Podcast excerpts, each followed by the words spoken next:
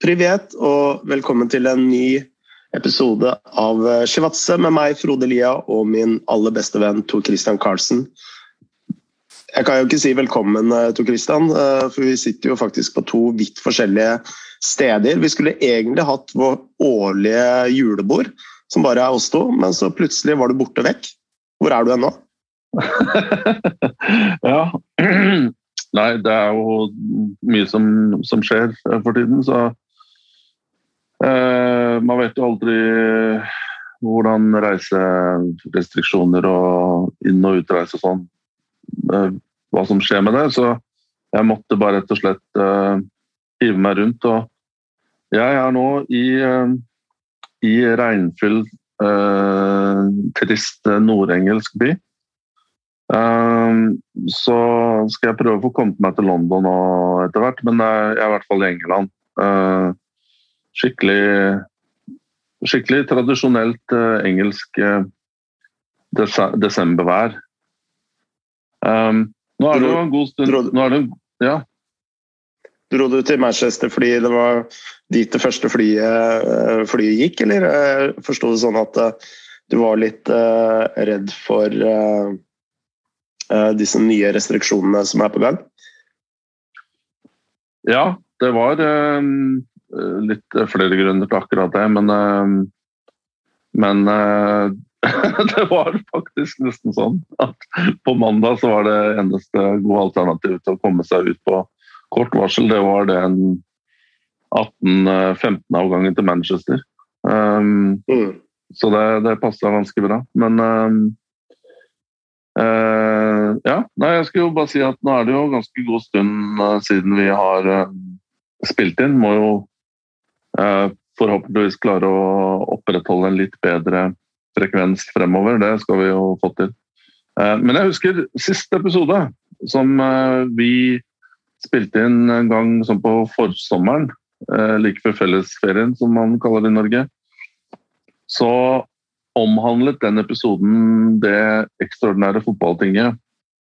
Og det er jo ganske utrolig eh, altså, å høre det du la fram eh, da, eh, til ganske eh, Ikke sjokkerte, men i hvert fall ganske eh, vil jeg si undrende lyttere eh, på den behandlingen du fikk da du skulle komme et innlegg om, om boikott av Qatar. Og så la vel det seg litt utover, men det blussa jo opp igjen nå med den eh, situasjonen som var med disse to eh, NRK-journalistene forrige uke som ble, som ble, arrestert i Qatar. Og noe som viser at forholdene er ikke noe sånn spesielt mye bedre enn det, enn det du påstod at de var. Så jeg syns jo du jeg synes vi skal starte bitte litt med å plukke opp tråden fra det, Frode. Og om du kan kanskje fortelle litt bare en bitte liten repetisjon av det som skjedde i sommer, og hva føler du nå? Ja, altså det som eh, skjedde på tinget, det var jo at jeg skulle holde et eh, innlegg på fem minutter. Og det innlegget var egentlig helt uplanlagt, men når Sven Mollekleiv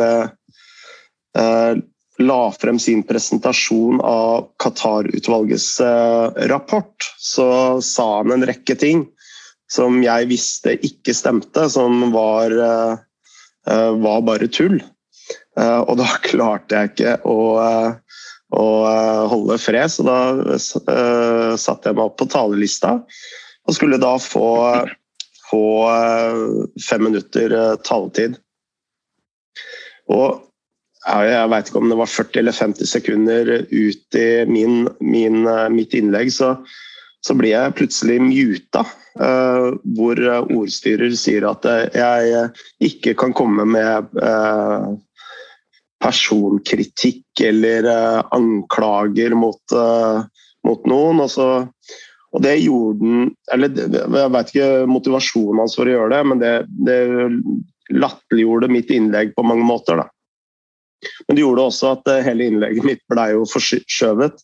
Så når jeg begynte å nærme meg eh, femminuttersgrensa, så var jeg fortsatt ikke, eh, fortsatt ikke ferdig. Og da ble jeg muta på nytt. Så jeg fikk liksom ikke lagt frem hele mitt innlegg og, og min kritikk. Og det som Jeg skal ikke ta hele min kritikk på nytt igjen her nå, men det som var hovedagendaen, det var at Qatar-utvalget de, de, la frem som at det hadde skjedd store forbedringer i Qatar. Eh, både med tanke på eh, forholdene til fremmedarbeidere og situasjonen for homofile og situasjonen for eh, journalister. Og det jeg egentlig la frem, det er jo at Qatar bruker veldig mye spinn.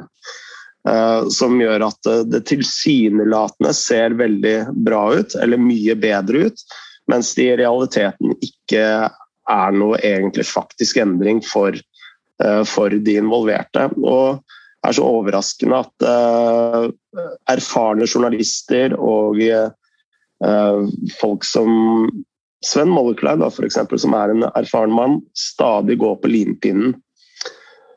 Så når NRK-journalistene ble arrestert nå nylig, så var jo ikke det en overraskelse for meg, fordi journalister ble arrestert der Eh, om ikke daglig, så eh, ganske ofte. Da, og fram til helt nå nylig. Eh, I tillegg så en ting som ikke har kommet frem, det er jo at NRK hadde en intervjuavtale med en, en varsler som heter Abdullah Ibais. Og det var jo det som var det utslagsgivende for at eh, NRK ble eh, arrestert, etter veldig manges mening.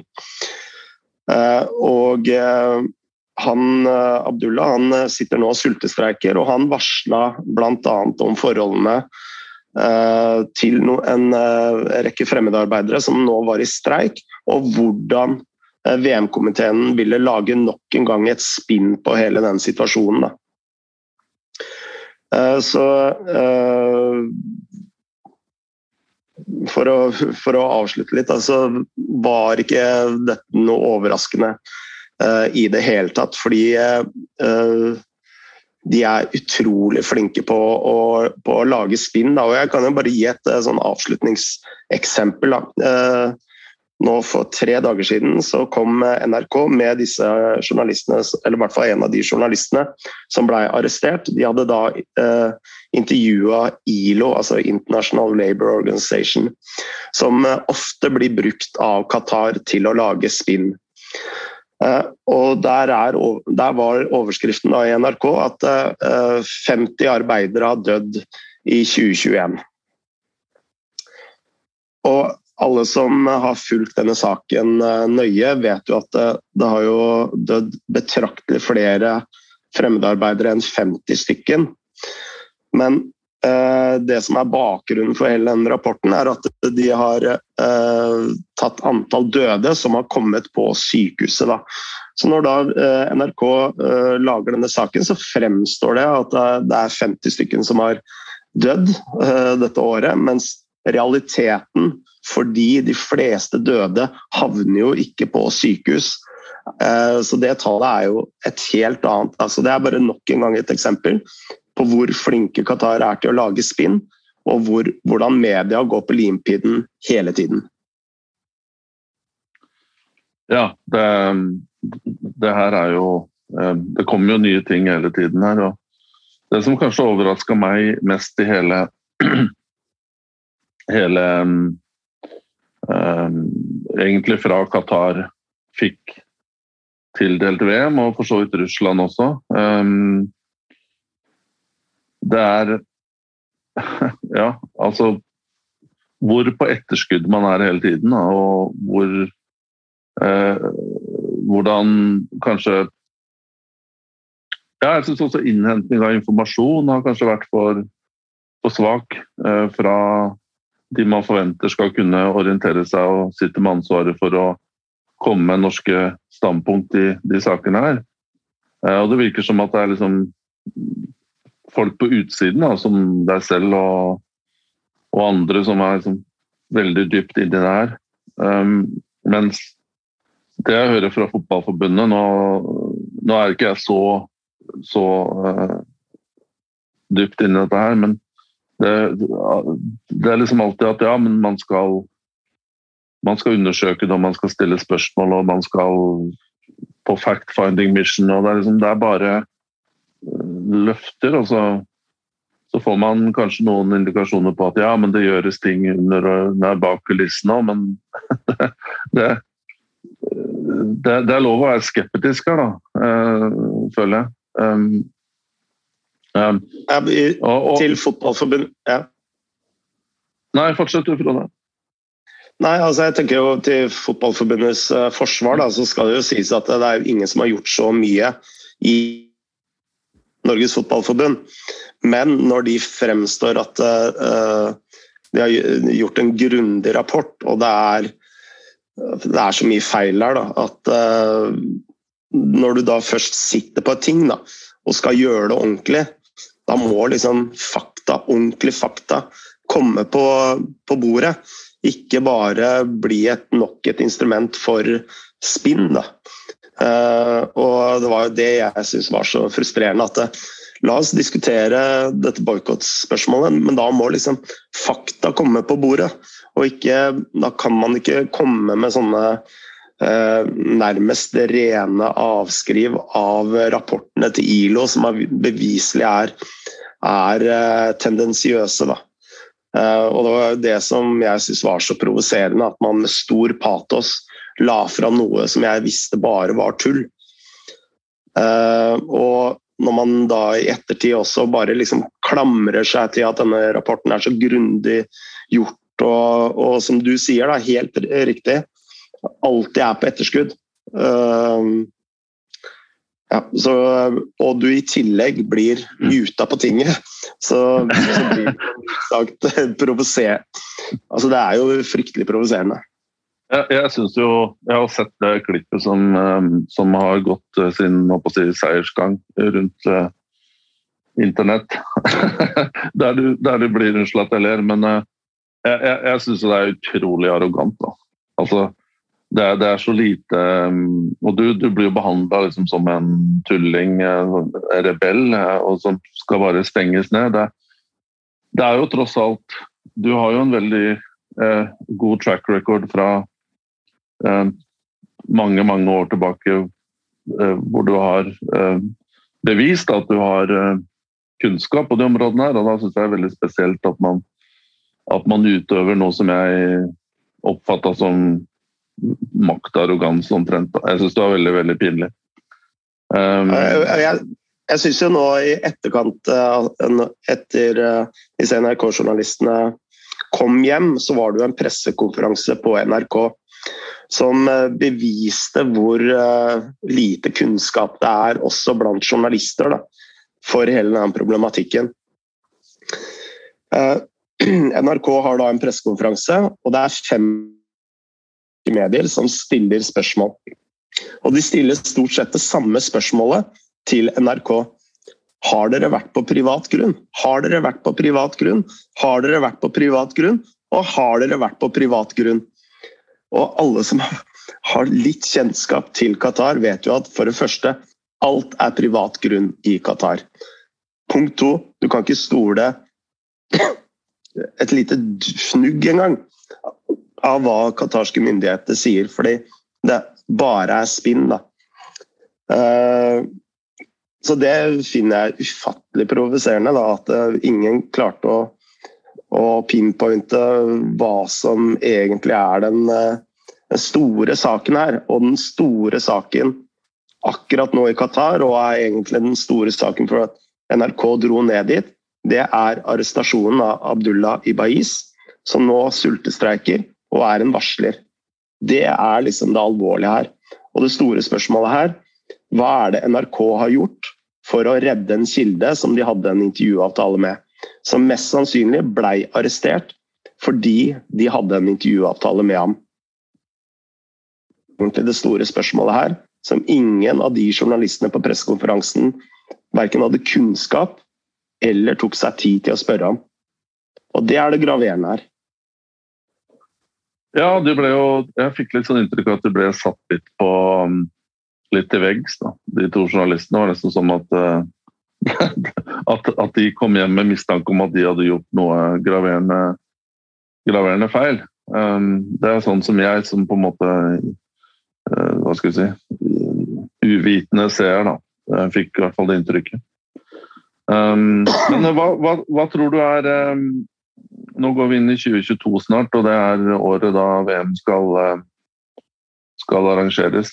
Um, hva, hva, hva, ser du for deg her? Begynner det på en måte å uh, legge seg litt nå? Eller, altså, jeg, jeg, får litt inntrykk av at nå etter hvert som land blir klare for sluttspillet, at det tar litt av um, Det tar litt av uh, Kanskje Hva skal jeg si um, det, det, det, det, tar kanskje litt av lysten til mange til å uh, drive skal kalle det aktivisme, da, når man først har kommet dit. Og, og da blir vel fokuset kanskje mer på, på fotball, eller hvordan, hvordan, ser du for deg 2022? Ja, altså øh,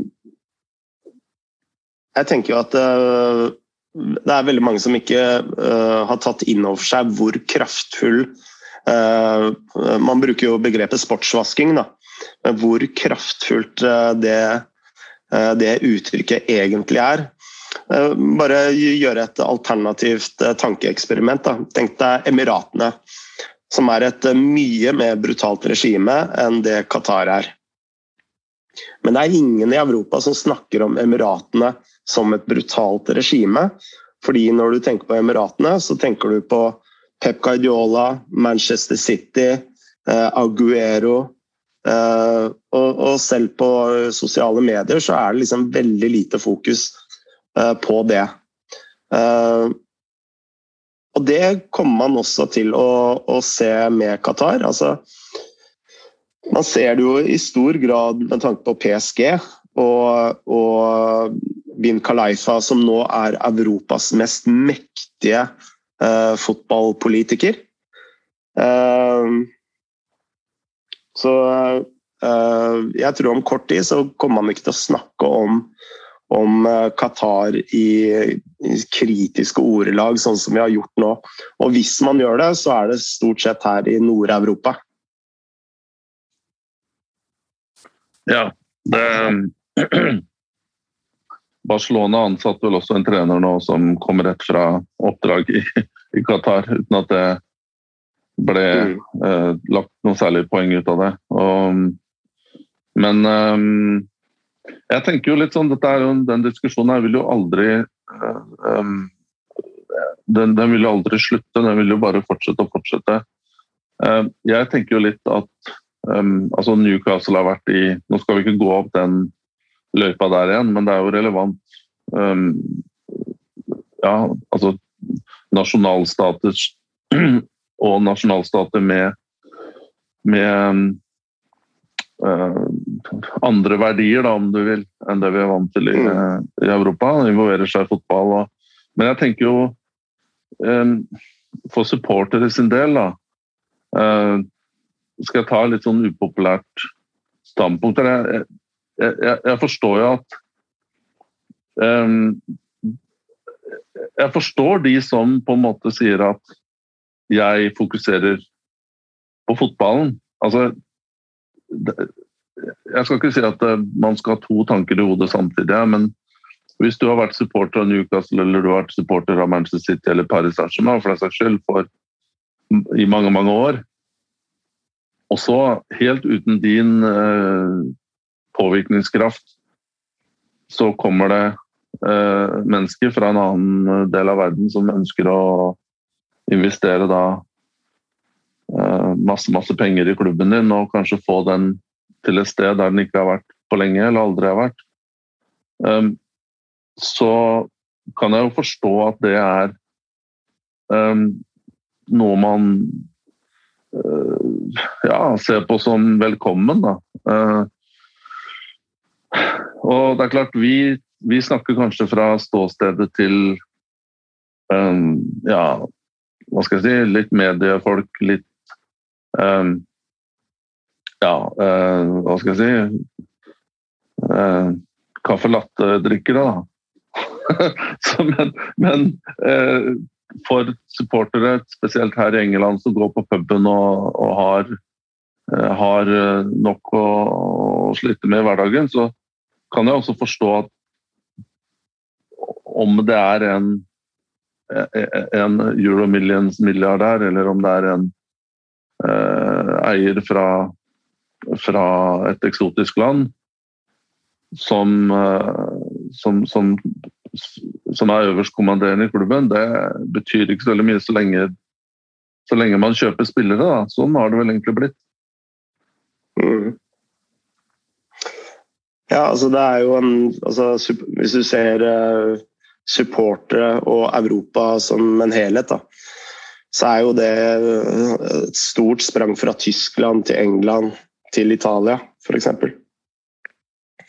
Eh, med tanke på hvor mye man den politiske delen, hvis du kan kalle det det, eh, i fotballen. Eh, men jeg tror altså det, det å være bevisst på hva man egentlig er med på, da, det er kanskje det viktigste. Om man liksom er med altså Det er jo en grunn til at Saudi går inn i Newcastle. Det var en grunn til at Emiratene gikk i, i City. På samme måte som eh, det var en grunn til at Abramovic gikk inn i Chelsea i sin tid. Det handler ikke bare om eh, deres kjærlighet til fotball, for å si det sånn. Og da må man eh, være bevisst på hva man egentlig er med på å støtte, og ikke la, la seg bruke til å bli en sånn forsvarer av regimet, som mange Newcastle-fans nå blir med tanke på Saudi-Arabia. Så den bevisstgjøringen er kanskje det, det at vi snakker om det, er uh, kanskje det aller, aller viktigste, tenker jeg. Ja, det er jeg helt enig i. Um, og, eh, og, det, og det, det, jeg, jeg, sier ikke at um, jeg forstår de menneskene som har på en måte gått ut og nesten eh, i Newcastles navn og eh, forsvart si, det som skjer i Saudi-Arabia. Det har man sett på sosiale medier. Og så spinnvilt har det blitt at eh, det er jo bare de ekstreme ytterpunktene som blir hørt. Og, men det har jo vært en vanvittig backlash mot fra, ja, de som kanskje har uttrykt Jeg ser jo både skribenter i The Guardian og, og, andre steder som har vært veldig kritiske til den eh, takeoveren. og Som da har fått Newcastle-supportere på, på, nakken, hvor de nesten fremstår som militante eh, forsvarer av, eh, av, det landet. Det er jo veldig spesielt. da. Det er lov å på en måte være det er lov å være amoralsk. da. Altså At du på en måte ikke tar et standpunkt og fokuserer på fotball, men du trenger ikke på en måte å fronte um, akkurat uh, det politiske stand... Eller altså fronte um, eierne på den måten. Men dette her kunne jo være tema for en for en uh, spesialepisode på mange, mange timer. Um, mm. Men uh, vi, jeg lurer på om vi skal gå litt videre, Frode. Um, det skjer også ting gå... på banen. Absolutt. Uh, bare for å avslutte litt. Det som er litt sånn gledelig, syns jeg, da, det er jo at det er så mange som har engasjert seg i fotballdemokratiet her i Norge. Da. Det å se Eh, veldig mange mennesker på tinget, ser flere engasjerer seg i lokale klubber, i kretsene. Og det er jo gledelig. Eh, jeg vet jo at valgkomiteen til NFF har jo aldri hatt så mange eh, nominasjoner til styreverv i ulike grad enn det de har akkurat nå. Og det er jo kjempegledelig. Absolutt. Og det er jo um, Ja, det står flere som um, som, um, som, som, melder seg på og bryr seg, desto mer på en måte uh, vibrant klima får man også til å, til å gå gjennom ting og, og diskutere og, og, og, til slutt få tatt, få tatt um, fornuftige beslutninger. Mm. Men skal vi gå videre, eller? Ja, det er forslaget mitt. Eh, det begynner jo å, å gå mot slutten av Jeg vil jo kalle det et uh, veldig sterkt år, år, for uh, norsk fotball. I hvert fall klubbfotball. Både med tanke på underholdning og eh, da særlig Bodø-Glimts eh, prestasjoner eh, ute i Europa? Ja, jeg syns um, Bare beklager på forhånd at det blir mye kremting og kanskje litt hosting her. Eh, som absolutt alle andre eh, har jeg gått, og som med deg, eh, har gått med noe i brystet og i, i nesa i flere flere uker, og det sitter de fortsatt. så når det blir litt prating, sånn som det blir nå, så kan det også komme noen ulyder. Så det beklager jeg på det sterkeste på forhånd. Men eh, oppsummert eh, Nå er vi her i starten av desember, og ja, jeg syns det har vært eh, syns det har vært eh, eh, bra. Um, litt sånn All den kontroversen i forkant av sesongen der, uh, med med, med uenighet rundt uh, Ja, vi, vi snakka vel om det på podkasten her. Det med at Bodø-Glimt reiste på treningsleir mens mange av de andre ble, ble sittende igjen. Den kontroversen den la seg jo. Men vi har jo på en måte fått et ja, litt, litt uventa si, lokomotiv i Europa. Da. Her har vi et lag som ok, det er Conference League er ikke det er ikke det edleste selskap, men det er klart du spiller jo allikevel mot uh, respektabel motstand. og Her har vel Bodø-Glimt i praksis allerede vunnet den gruppa, tror jeg. Og det er jo mm. i seg selv en stor bragd.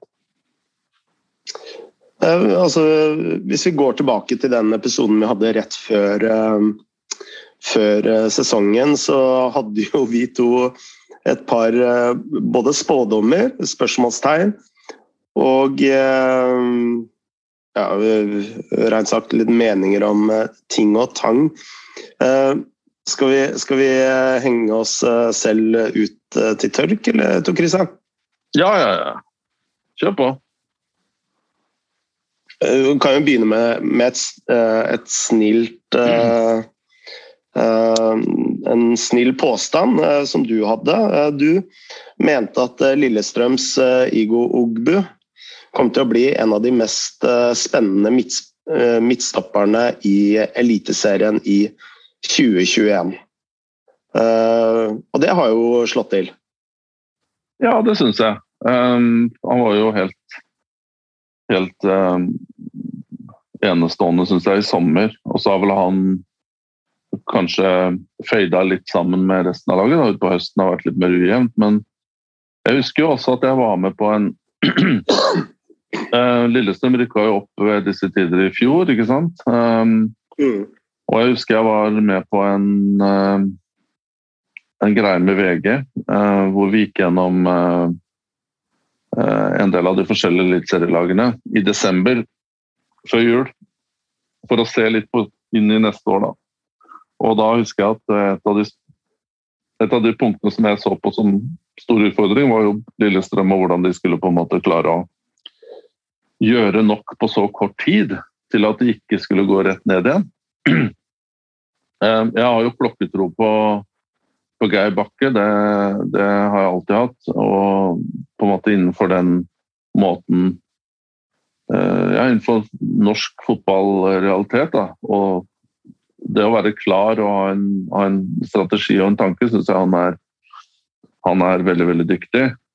Og så har han jo Simon i tillegg, som er, eh, også viser seg å være veldig eh, flink til det han holder på med. Så jeg syns jo Lillestrøm gjorde veldig mye bra i, på vinteren, og så klarte de å få satt det laget med de egenskapene og um, ferdighetene de ønska å få inn laget, og så har de klart å forsterke utover uh, utover. Uh, Petterson syns jeg har vært litt overraska at de faktisk fikk han. Nå synes jeg jeg hadde nesten trodd at han ville få noe enda ja, altså At han ville ende i en, en uh, liga som er større enn den norske. da. Um, og så har du jo fått i gang Lene Olsen, som er helt det, det, så ikke jeg for meg. Altså, jeg så for meg at han kom til å være um, på en måte nyttigere nesten i Eliteserien enn det han var i Obos. Da får han litt bedre Kanskje litt mer plass å boltre seg i uh, enn uh, da Lillestrøm måtte føre kampene og spilte mot lavtliggende lag hele sesongen i fjor. Da. Så, um, jeg syns jo ut fra forventningene og forutsetningene syns jeg jo egentlig at Lillestrøm har vært en av de som har overprestert. Mm. Eh, jeg så en sånn eh, en, eh, altså Etter at de fornya nå med Gjermund Aasen, så, så, var det en sånn Best of-video med Gjermund Aasen. Men det, altså jeg har jo ikke noe tall på det, men det virker som Gjermund Aasen og Thomas Lene Olsen virkelig har funnet, funnet hverandre Eh, skikkelig. At disse innleggene fra Aasen som treffer huet til Lene Olsen, ikke bare på corneret, men innlegg og, og, litt overalt, har liksom spilt Lene Olsen veldig, veldig god, da. Ja, um, og så blir det jo spennende å se om det eh, Om de to får lov å spille sammen en sesong til, da. Jeg tenker jo at når du har skåret 25-26 mål, eller hva det er Lene Olsen har gjort, så, så, vil det jo komme noe i vinter. Alle, selv om han er 29 eller om han er 30, fylt det. Men det vil jo komme tilbud på han. og Jeg har også tidligere uttalt at for meg så vil det jo være litt eh, altså LSK står jo bitte litt i gjeld til han. Uh, han forlenget kontrakten etter nedrykket i 2019.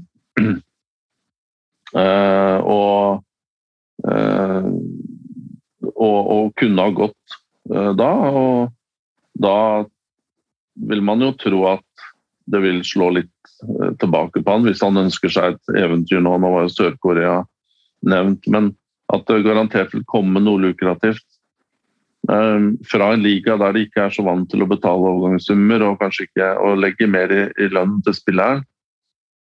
Jeg tenker jo det er som jeg kaller Eh, ja, litt sånn eh, land som har blitt veldig kine på norske spillere. Tyrkia og Kypros og Hellas og sånne plasser. Kanskje Russland. Um, for en spiss har du jo på en måte Du trenger ikke alltid å tenke videresalg der, eller du, du, trenger du trenger mål. Du trenger ikke å skåre mål. og Da spiller ikke så veldig. Se Burak Yilmaz som vant uh, ligamesterskapet med Lill i fjor. Kom som 35-åring eh, første gang utenfor Tyrkia til Lill og, og, og skårte de målene som var nødvendige. Men jeg tenker jo det sånn, kan bli et lite dilemma der for Lillestrøm. at Selvsagt er, ønsker de å ha Lene Olsen med seg videre, men hvis det kommer noe eh, attraktivt for han eh, på vinteren, så vil jeg jo nesten forutsette at Lillestrøm er medgjørlig. da. Det er i hvert fall sånn jeg mm. tenker. Ja. Eller er jeg romantisk og naiv blitt?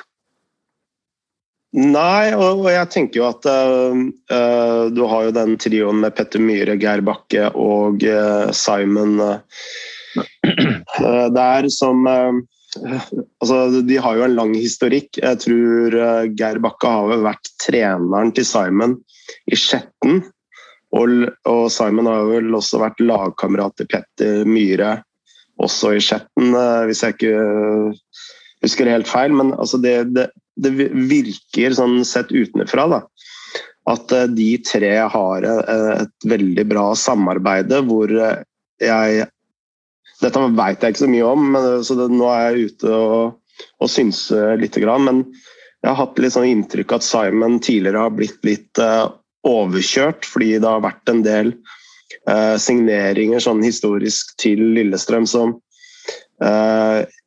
jeg ser går litt sånn på tvers av det Simon ville ha henta. Sånn, sånn, jeg kjenner eh, Simon fra media og uttalelser og osv.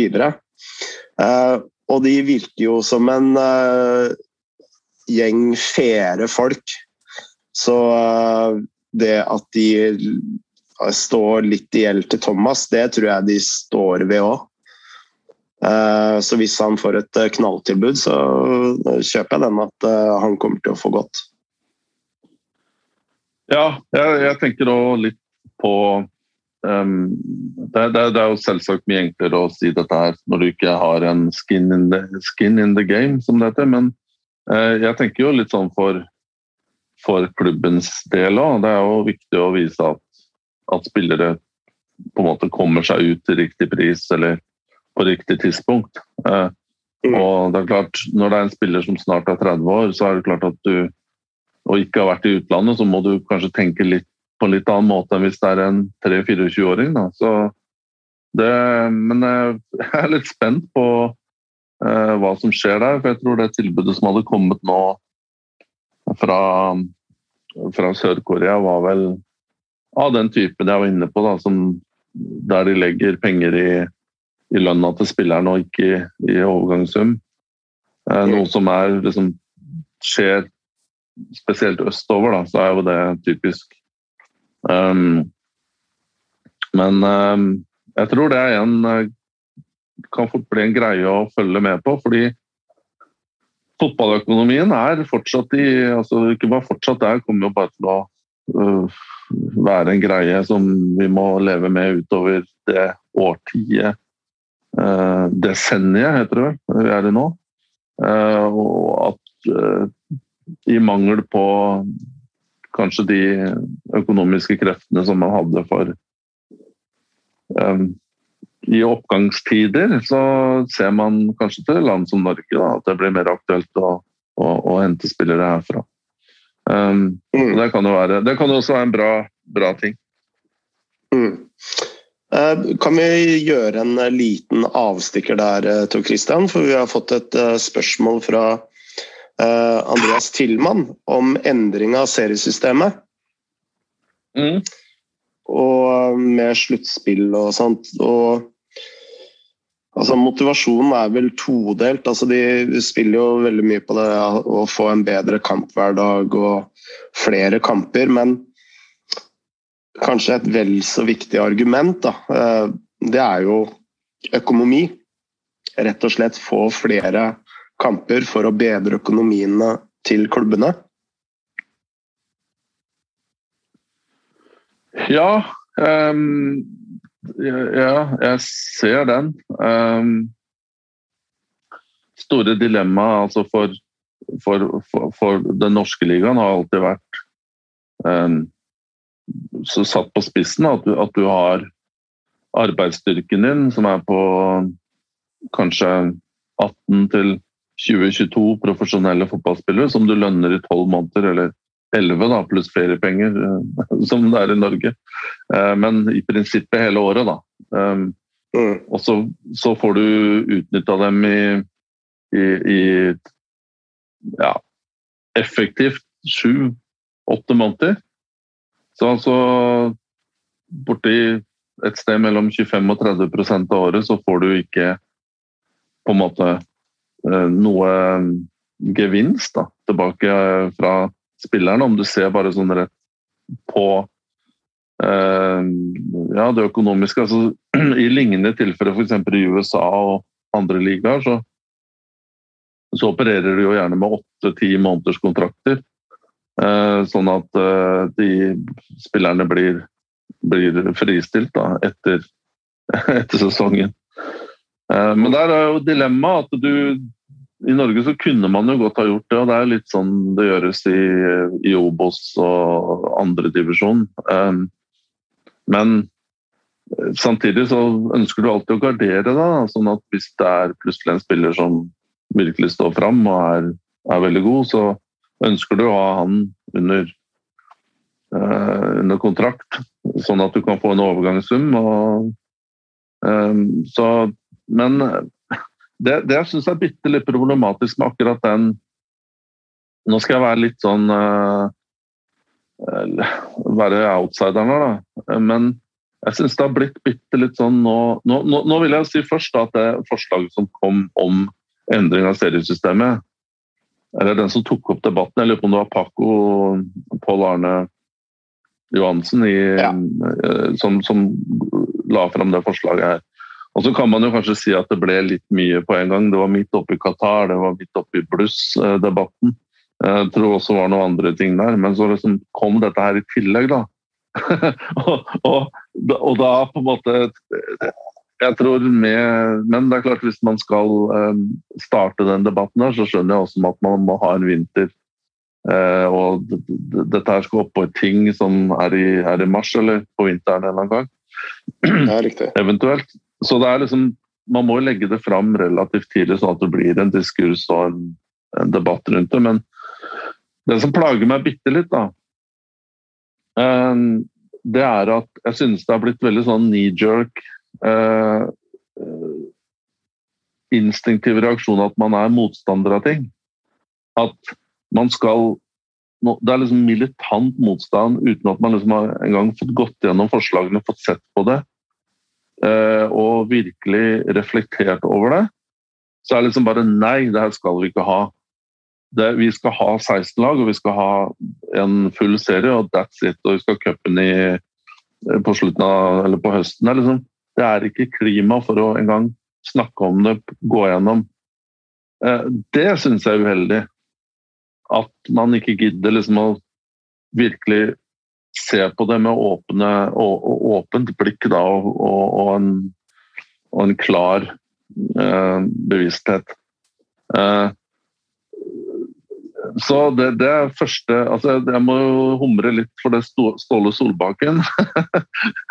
jeg, jeg lurer på om det var uka etter eller om det var samme uka, altså, i hvert fall i kjølvannet av eh, Paco sine uttalelser. Så kom Ståle Solbakken med bare sånn, Han er jo en frittalende mann, Ståle, ikke sant?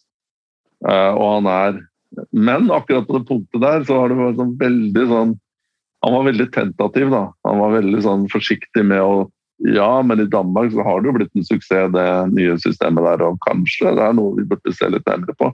Men han visste også, han leste rommet, da. Han visste at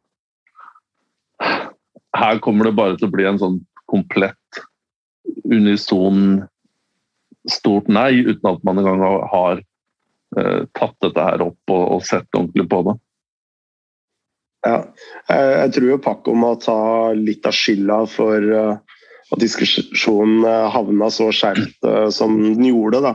Fordi altså, Det var jo i utgangspunktet en, en, et forslag til utredning. Og det er jo noe helt annet enn, uh, enn å fremme et forslag. Hvis du leser alle sakene etter Paco var ute og uttalte seg, så fremsto det jo som at uh, dette nærmest var et direktiv. Og det var det jo ja, men, ikke. Nei, men Sånn har det jo blitt i, i verden. Altså, altså, Bare et forslag igjen. Da. Dette er den polariseringen vi snakker om. Og at vi ikke klarer på en måte å Folk reagerer bare rett på i skyttergravene. Sånn har det jo blitt. Det er jo samme i Sverige med den regjeringen måtte gå av pga. En, en utredning som skulle stemmes over. Ikke, ikke over saken, men dette er jo halvt år siden, men utredning. Samme om OL eh, her i Norge, så var det nå forslag at man skal utrede det. Nei, da hopper alle i skyttergrav. Vi skal ikke ha OL i Norge. Så liksom, utredning betyr at det, det, betyr, eh, det, det, betyr at det er fair game. Det. Det er ingen som ja. gidder å sitte og ja, altså, eh, ingen, Det er feil, men la oss si 70-80 mitt anslag, gidder ikke å sitte og vente på å lese den utredningen. De skal bare slakte det med en gang. Og det syns jeg er uhørt, da. Mm. Ja, det er jeg enig i. Altså, det må jo være uh, Og, og det, var, det, var, jo det som også frustrerte meg med Qatar-debatten. Uh, det er jo at uh, jeg følte man diskuterte litt på falske premisser, og da legger du ikke et grunnlag for en god diskusjon. da. Men selvsagt helt på, på andre siden. Altså det å liksom legge til grunn et godt debattklima, da, det må ligge i grunn for at vi skal komme oss videre. Men motivasjonen her mener jeg jo, må jo anerkjennes. Og det er jo at eh, hvis du sammenligner med danske eller svenske lag, da, så sakker jo norske lag av økonomisk. Og det er, eh, og det er et problem som må tas på alvor. Ja, absolutt. Um, det er helt klart. Jeg, jeg, er Og jeg mener at det bør, man absolutt bør utrede og se på muligheter um, til hvordan man kan gjøre norsk fotball mer inntektsbringende og og lukrativ, og også ha et bedre ha et bedre produkt som folk gidder å komme og se på. Jeg er usikker på om bare flere kamper vil gjøre uh, altså, Ok, man vil kanskje fått en bedre TV-avtale. Man vil få solgt litt flere vafler og billetter. Men hvis det betyr at man skal se uh, på en måte Ja, altså de samme 16 lagene mer eller mindre som vi ser nå. Uh, en gang til eller en halv omgang til, eller hvordan man gjør det, så er jeg usikker på om det er Da, da tror jeg folk heller holder seg hjemme. da. Det er, det er som, men jeg, jeg, har jo sagt ganske lenge at jeg, jeg, tror det ville være klokt altså Hvis vi ser på Danmark, som da har tolv lag, uh, gikk ned fra 14 uh, Og i Sveits har man ti lag og har hatt det i mange, mange år. Uh, mm. Og og at det vil spisse, eh, spisse kvaliteten. Eh, og enda viktigere, da, som jeg også har sagt på podkasten tidligere, at disse mediepengene, som er den store inntektskilden til klubben i dag, at det kan dekkes, eh, deles mellom færre lag. Men, men her har vi slik at ressursene Eh, kan bli bedre for, altså mer konsentrert da, enn at det skal deles mellom 16. Men mm. her er det store spørsmålet, mener jeg, at i Norge så har man nesten tatt et valg om at vi, vi gir litt blaffen i det. Og til vi, vi går med på at Eliteserien at kvaliteten kan droppe bitte litt, mot at vi får et slags roadshow, som jeg kaller det det er, det, vi, det er nesten distriktspolitikk. Vi skal ha lag i um, Vi skal ha lag rundt hele landet, det har vi nå mer eller mindre. Og det skal liksom være uh, Ja, vi, vi, vi, tar gjerne et lag fra på en måte uh, mindre befolka deler av, av landet mot at man får opp nødvendigvis får opp tilskuertallene der det er mer sentralt. Da. Um, så det er liksom sånn Jeg tror norsk fotball skal være folkelig. Det skal være um, tilgjengelig for alle. Og det skal være liksom for vanlige, vanlige folk, da, som er så, blitt så veldig populært å, å si. Men, men og der tror jeg at vi har på en måte en bitte litt annen mentalitet enn man har i Danmark. Hvor danskene på en måte bestemte seg for at vi skal prøve å hevde oss med eh, Vi skal prøve å hevde oss i Europa, vi skal prøve å få, få bygd eh, klubber opp sånn at det er nesten naturlig at de er på høyde med, med f.eks. Belgia, med f.eks. Eh, Sveits, som jeg også nevnte, som er liksom respektable ligaer. Men jeg, jeg, tror ikke det ligger i oss i Norge til å på en måte ta den runden der. Norsk fotball, Eliteserien, skal ikke være den Jeg tror ikke vi har lyst til at det skal være sånn, da. Det er litt det inntrykket jeg sitter med. Jeg vet ikke hvor du kommer fra på det her. Nei, jeg tror 16 lag, det, altså, det er umulig å rikke på nå.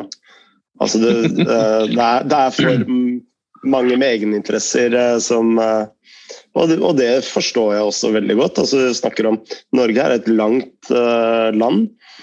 Uh, altså, vi, altså, vi, taper noe i spissing og økonomi, men vi vinner jo kanskje noe i, i noe annet.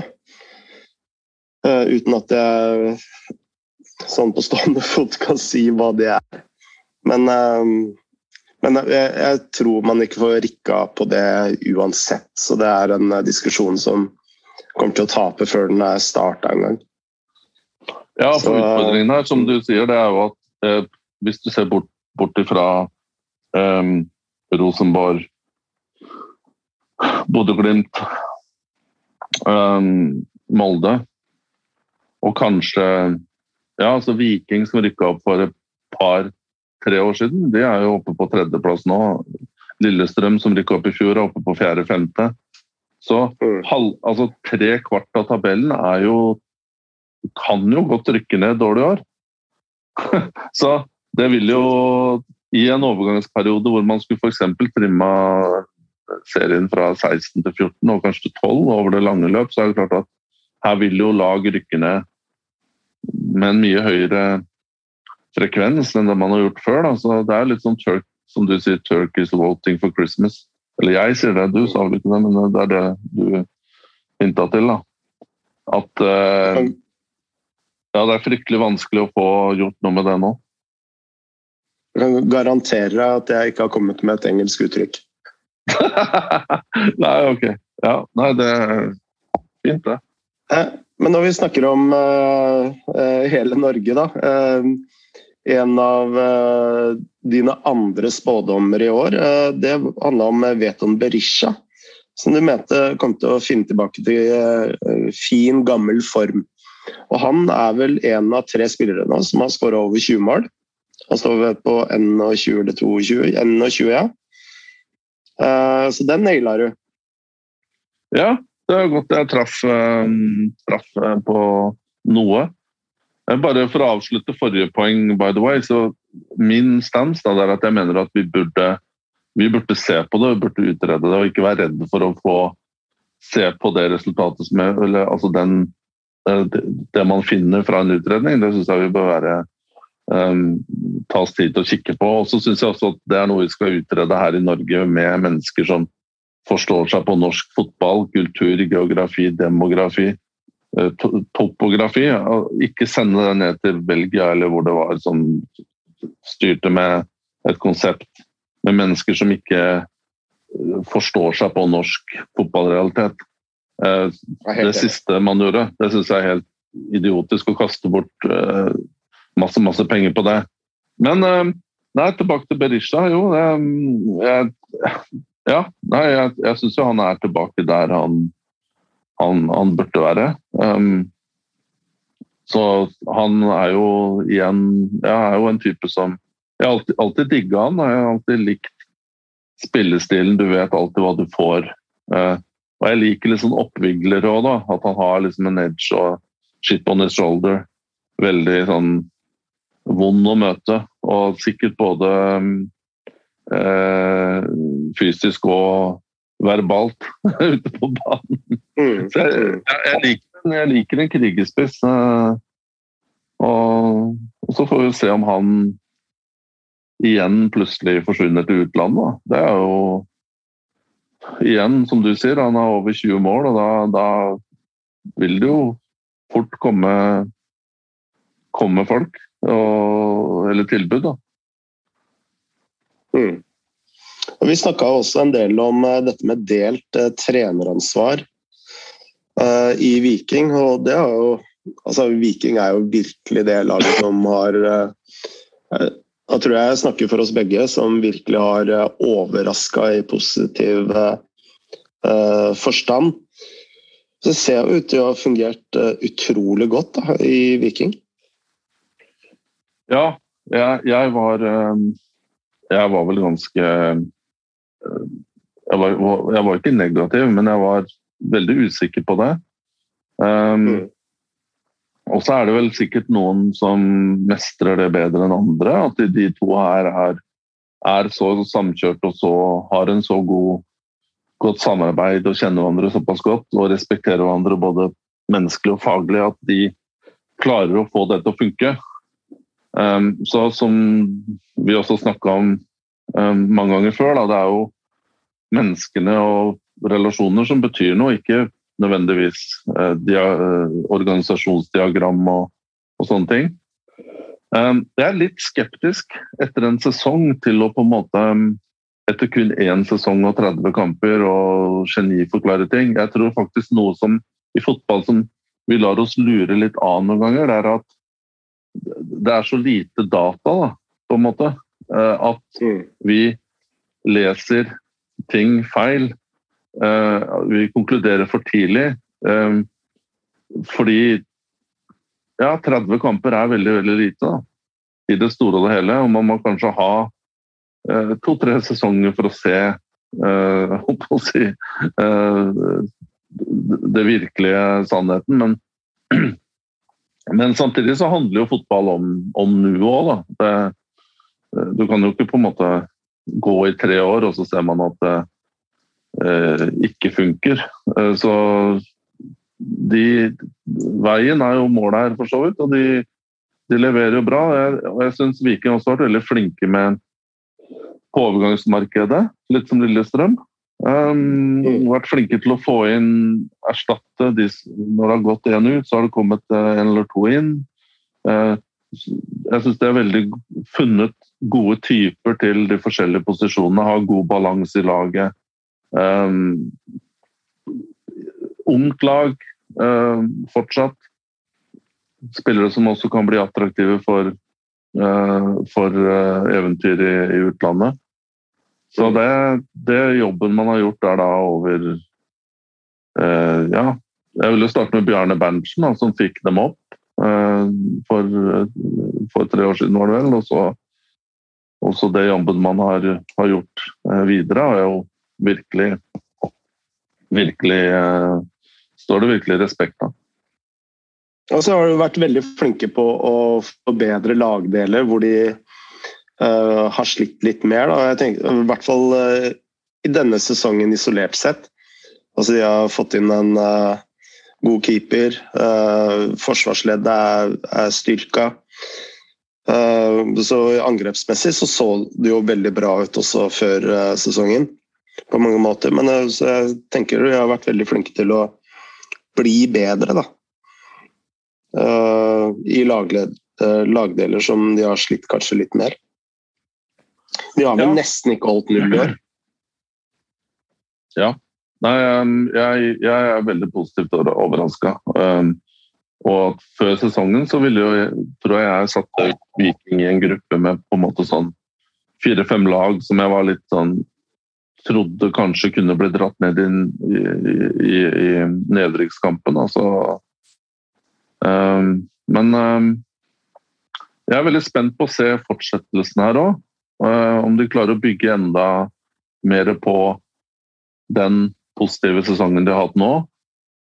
For det Stavanger er jo en by som og Viking, da jeg på en måte vokste opp med fotball sånn på slutten av 80-tallet og begynnelsen av 90-tallet. Jeg husker bl.a.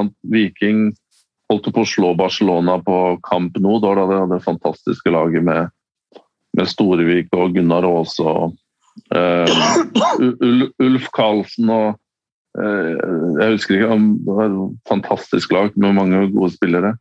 Uh, og de spilte fantastisk fotball her på, på, på Camp Nou. men jeg, jeg, husker jo da Viking som på en måte en storhet da, i norsk fotball. Uh, og det potensialet som er der, hvis virkelig um, de, Hvis dette fortsetter, jeg tror jeg kan, kan At man kan håpe på et stabilt Viking som er der oppe og kjemper om seriegull. Det hadde vært ganske imponerende da, hvis du ser fra hvor de kommer. Mm. Fra de siste årene med Ja, det var en tur i Obos som sagt da, i 2018.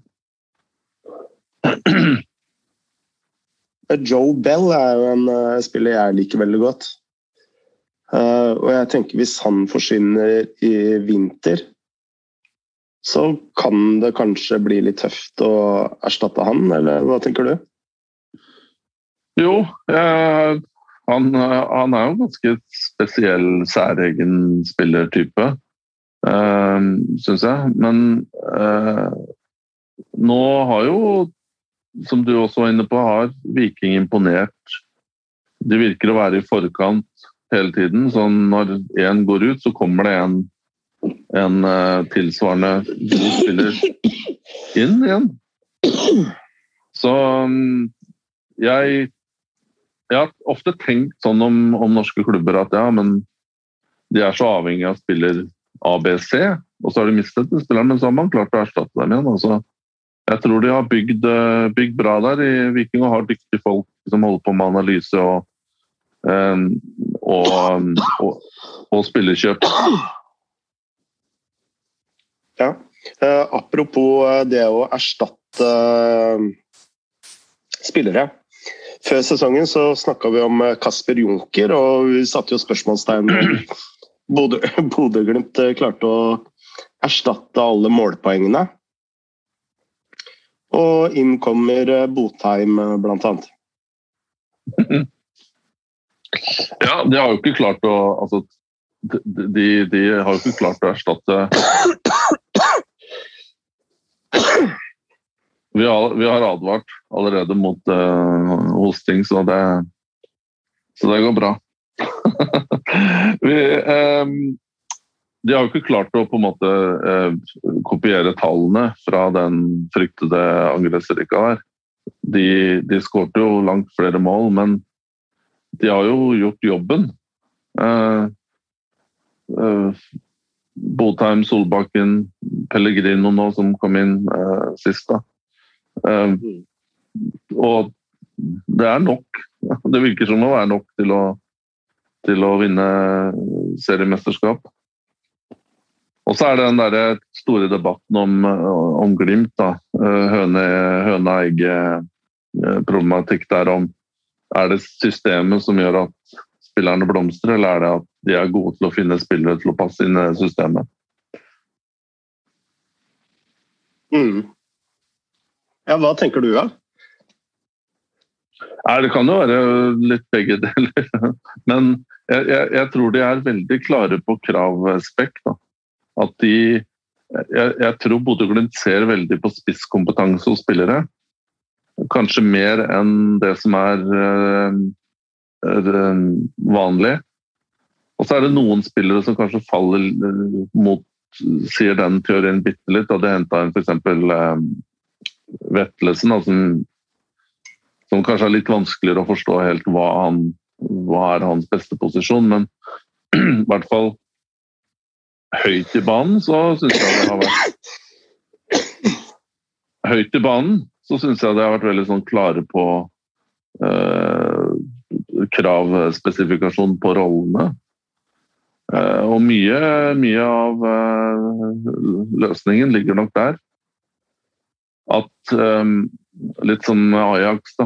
At de Ja, det er spillere som presterer bra, fordi alt ligger til rette for dem til å få ut det beste av sine egenskaper i de posisjonene de spiller.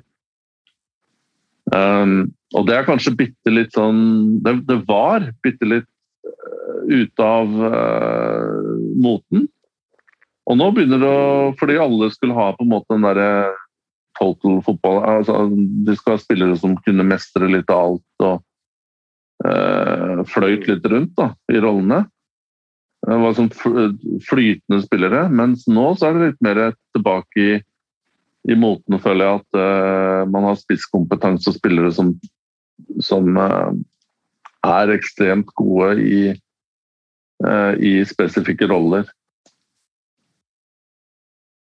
Ja. Så jeg, tenker det var et fornuftig svar, ja. Jo, det er et fornuftig svar. Sånn jeg har sett på Bodø-Glimt, som jeg har tenkt det, det er jo at det, det er litt sånn todelt. Det som for eksempel, de blir jo ofte sammenligna med Rosenborg. Da. altså eh, Legendariske Rosenborg-lagene til Nils Arne Eggen. Men de har noen egenskaper som er helt, helt nytt i norsk eh, sammenheng, etter min mening. Og det er jo særlig dette med frispilling, og det så du jo veldig godt i disse kampene mot Roma. Altså, de er jo helt enorme i frispillingsfasen. Og det tror jeg jo kanskje og, og, de er, som du sa, da, de er veldig gode til å spille hverandre gode og spille på spisskompetansen til de ulike sånne uh, småting. At uh, får alltid ballen på rett fot og, og, og, sånne ting. Men samtidig så er det ikke like sånn uh, maskindrevet som det Rosenborg var. For du ser at med en gang de blir satt under høyt press, f.eks., så er de veldig flinke til å liksom skape overtall nede i frispillingen. Og det uh, tenker jeg kommer av at de har trent veldig mye sånne uh, prinsipper. da. At mm. de er mer sånn fleksible enn det hvis du først skal sammenligne med det gamle Rosenborg-laget, som var veldig sånn maskinangrepsfotball.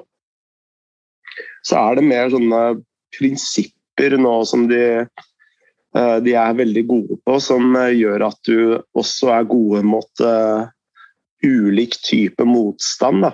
Er, nå er det jo mye sånn fokus på at Bodø-Glimt er flinke til å spille på andre- og tredje bevegelser. Da.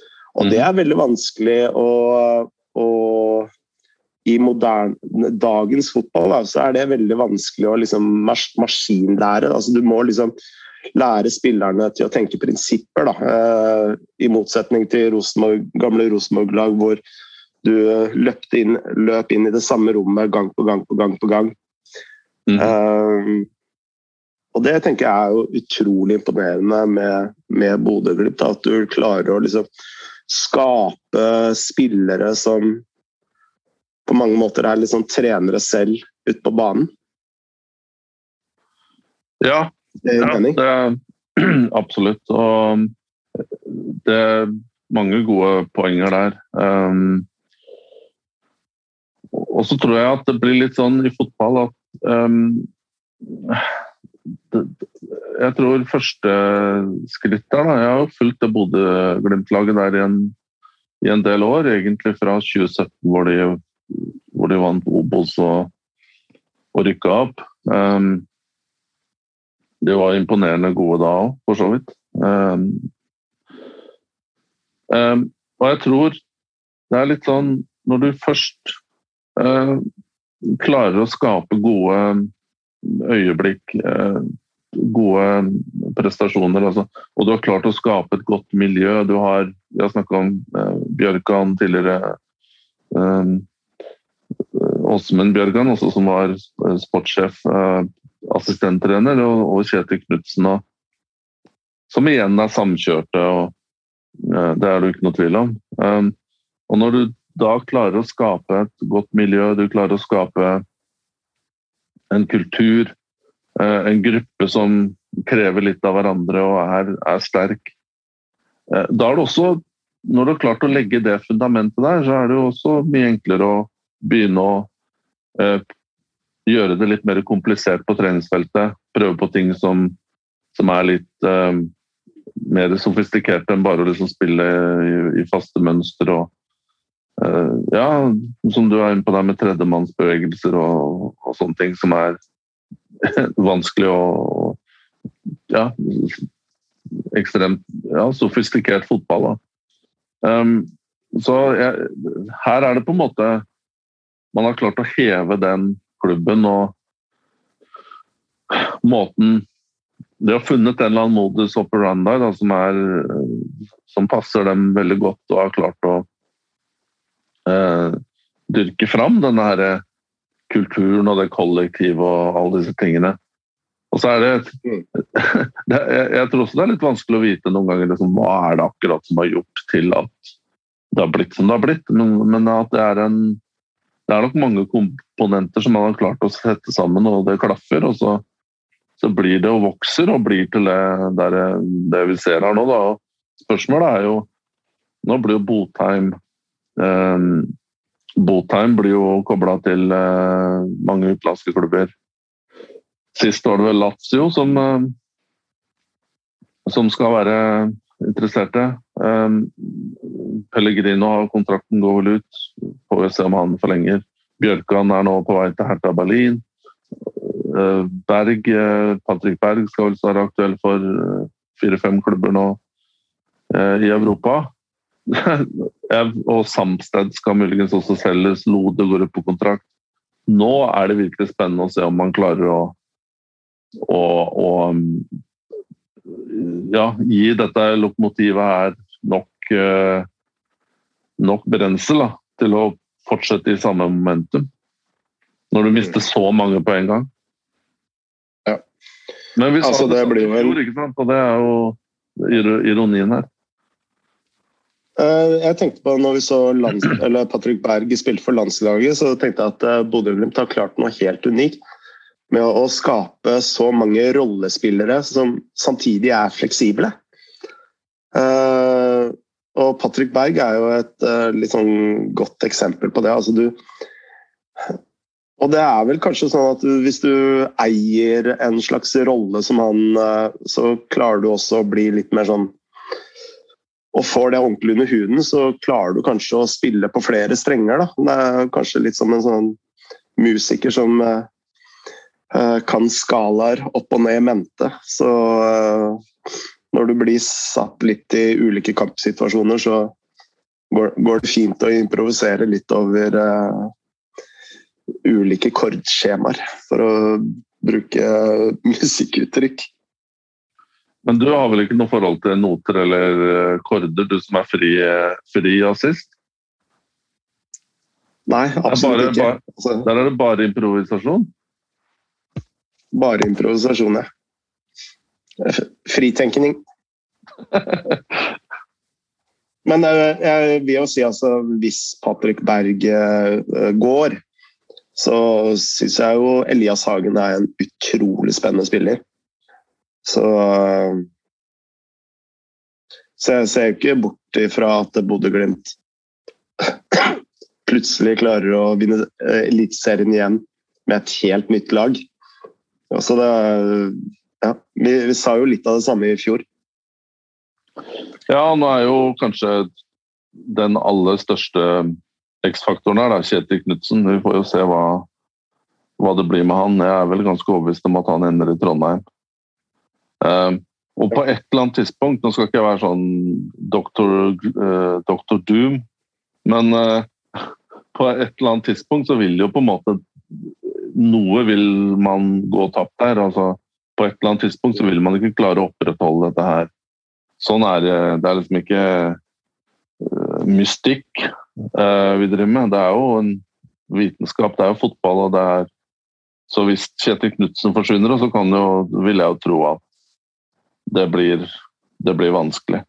Og da, da, går jeg såpass langt til å si at den ekstreme eh, storhetsperioden vi har sett nå, eh, for de vinner vel eh, seriemesterskapet, vil jeg tro, at den perioden kanskje Den epoken der, da, at den, at den kanskje vil være over. Og, og så vil det nok ta tid da å bygge en ny, en ny storhetstid, da. Det vil jeg tro.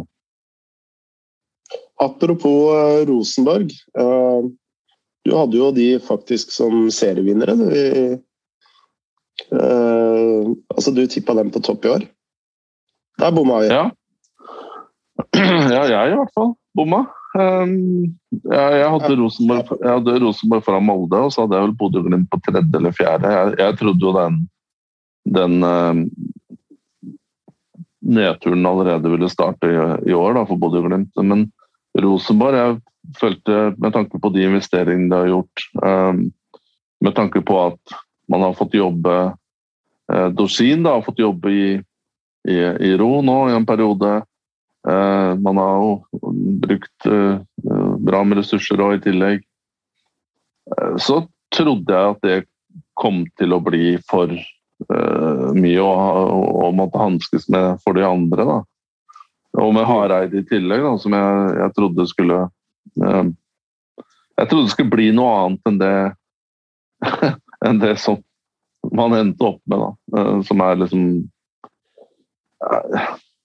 ja, litt vanskelig. Jeg føler at det er litt sånn uke til uke med Rosenborg. At vi ser noen uh, uker så ser vi at oi, her er det her er virkelig uh, et fundament. Uh, her er det noe på gang. Det er unge spillere som er på vei oppover, og spesielt fremover på banen. da. Ser man spiller god kombinasjonsfotball. Og, og så og så er det grått og trist neste uke igjen. Det det er vanskelig å se helt kontinuiteten og den den på en måte klare progresjonen som jeg forutså. Mm. Men uh, ja. Der, uh, det ble ikke som jeg trodde, Frode. Jeg tippa jo Vålerenga på topp, så jeg bomma vel kanskje enda mer. Du tippa Vålerenga som seriemestere? Jeg gjorde det. Jeg stakk ut huet. Så nå kan alle le. Nei, eh, jeg tippa Vålerenga topp like bak de tre jeg nevnte her. Jeg vil jo ja, si at sjette-sjuendeplass er vel eh, er jo en av de store skuffelsene i år, vil jeg, vil jeg si, da, sånn poengmessig. Mm. Absolutt. Du var jo veldig klar på at du ikke hadde tro på Amur Lajoni. Og du, du, ja, du tippa vel egentlig at han skulle bli en flopp? Ja, og vi kan vel være såpass ærlig å si at han ikke har levert? Ja, det tror jeg er eh, Det, det, det vil jeg jo påstå er, eh, er riktig. Um, jeg, jeg, så ikke nok fra over lang tid fra Lajoni mens han var i Bodø-Glimt til at han skulle være noe ekstraordinært da, som rettferdiggjorde den eh, store hypen som som eh, ble igangsatt da han signerte. Det, det syns jeg var helt, sånn, helt merkelig. Jeg, jeg, blir jo litt sånn Har jeg sett feil her? Eh, er det jeg som ikke har fått med dette her? Du, du, du blir jo litt sånn når du ser at liksom alle tar av fullstendig. Um, jeg blir litt sånn, eh, Hvis du går litt sånn mer i dybden på Vålerenga, så jeg vet ikke jeg, jeg, jeg, forstår ikke helt hva som er eh, remitten lenger, da. Fordi jeg hadde jo inntrykk av at da Fagermo kom eh, Dette er vel andre sesongen da, til Fagermo. Eh, og da var det Fikk jeg inntrykk av at det skulle, dette her skulle opp og fram, og det skulle skje ganske fort. Um, og så kom det en slags satsing i fjor med det kom noen gode spillere på sommeren der, Krautansson bl.a. Um, Lajone kom i fjor. Um, han kom i år, på, på vinteren. Um, I tillegg så har, så har vel også Fagermo fått, fått sine ønsker oppfylt til, til viss grad, med Oldrup Jensen der som han hadde i Odd. Um, men Eh, jeg hører jo kommentarene til Fagermo at han, han, jo, han, er jo tilbake der at dette er nå et langtidsarbeid. Jeg bare hørte de kommentarene i den lille kjappe utvekslingen med Bengt Eriksen her på Eurosport etter, etter runden nå. og da, da, var han veldig sånn presis på at ja, men han skal bygge Vålerenga et langt perspektiv. Ok, men det blir litt sånn Solskjær eh, Ja, ok, men når skal man på en måte hva Er denne sjette-sjuendeplassen man får i år, er det på en måte en, en liten relapse, og så kommer man skikkelig tilbake som et lokomotiv igjen neste år, eller hva, hva er Eller skal man på en måte drive utviklingsfotball her og det, det har ikke helt skjønt. da, Hva er Vålerenga? Hva er identiteten og hva er ambisjonene? Har du noe å komme med der? Nei, altså det altså For å forsvare Vålerenga litt, da. Altså de, de, har jo hatt slitt med en hovedeier som har slitt veldig med økonomien. Eh, så de har jo måttet eh, kunne klare å stå på egne bein. Og det økonomisk. Så jeg tror liksom de økonomiske målsetningene har kanskje vært det viktigste å få på plass. Og nå, eh, så langt jeg vet, så er jo nå eh, står jo Vålerenga trygt på egne bein og, og leverer et regnskap i balanse. Eh, så de har jo kvitta seg med en del spillere og, og solgt en del spillere. Så på, så på det parameteret der så har de jo gjort det veldig, veldig bra. Og det altså, Jeg skal ikke krisemaksimere altfor mye med Vålerenga, men det, det, var jo perioder for ett og to år siden hvor det så ganske mørkt ut økonomisk for Vålerenga. Uh, sånn indirekte med, med eieren Trøim.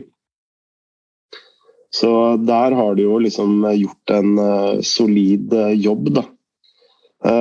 Men, men har de unnskyld at jeg avbryter deg, men har de gjort en solid jobb, eller har de vunnet i Lotto da, med én? Det har snudd Nå tar jeg Jeg kjenner ikke situasjonen der med eieren og sånne ting, men du sier det er snudd for Trøim. Ok, da vinner du på en måte i Lotto. Det er litt tilfeldig. Det er ikke noe du kan påvirke. Det er en ekstern faktor. Eh, to, man har solgt Dønnum eh, og man har solgt til Claesson for til sammen 40 50 eh, millioner. Og det er også litt vinn i Lotto, vil jeg påstå. Selv om det er jo på en måte resultater av at man har jobba for så vidt bra, man har gode talenter og man har god råvare, og man får solgt det. Men jeg føler jo ikke det på en måte er resultat av noen grep man har tatt eh, som man bærer frukter av. Det er jo egentlig ganske tilfeldig. da. Spesielt Claesson, den overgangen som ikke jeg i hvert fall skjønte, eller skjønner så veldig mye av. Um, veldig bra, det. Fantastisk. Um, men Og det er også fantastisk at nå kommer det unggutter innpå der en masse. Det er sånn 03 som dukker opp, det er 04 og det er 05 tror jeg, som, er, som får noen minutter her og der. Det er bra, men jeg, det jeg ikke på en måte det, det, jeg ikke forstår, da, det er at på, en, på ett nivå så liksom, skal man satse, og man henter inn disse profiler og store profiler, og det er liksom Og så det, og så er det plutselig Nei, nå skal vi satse på ungt. Da så er vi tilbake der, da. Uh, og så ja. er det så jeg, jeg, ser ikke en jeg, jeg, forstår ikke helt hva det er. Hva, hva kan jeg som supporter forvente av Vålerenga? Hva, hva, er det de forsøker å fortelle meg? Er de en utviklingsklubb som skal stelle spillere, eller er de en klubb som skal vinne, vinne noe og fylle den stadion Intility? Det har ikke jeg forstått. Mm. Jeg, jeg, tror at uh, Aron Dønnum var nok mye viktigere for det Vålerenga-laget enn uh, mange ville erkjenne. Uh, særlig med tanke på hvordan Vålerenga spiller offensivt. Han er jo den spilleren som klarer å, å dra av én mot én og skape litt ubalanse og litt ting og tang fremover. Selv om statistisk så har de tatt flere poeng uten Dønnum. Uh, merkelig nok. Men uh, jeg tror jo ikke at uh, Altså, hvis Vålerenga hadde vært på en annen plass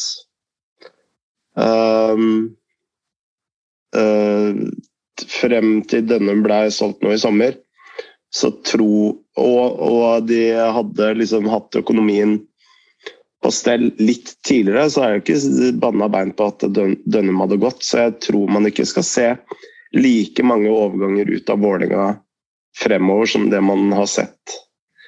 Selv om det ikke er en masse med overganger, så er det jo en del.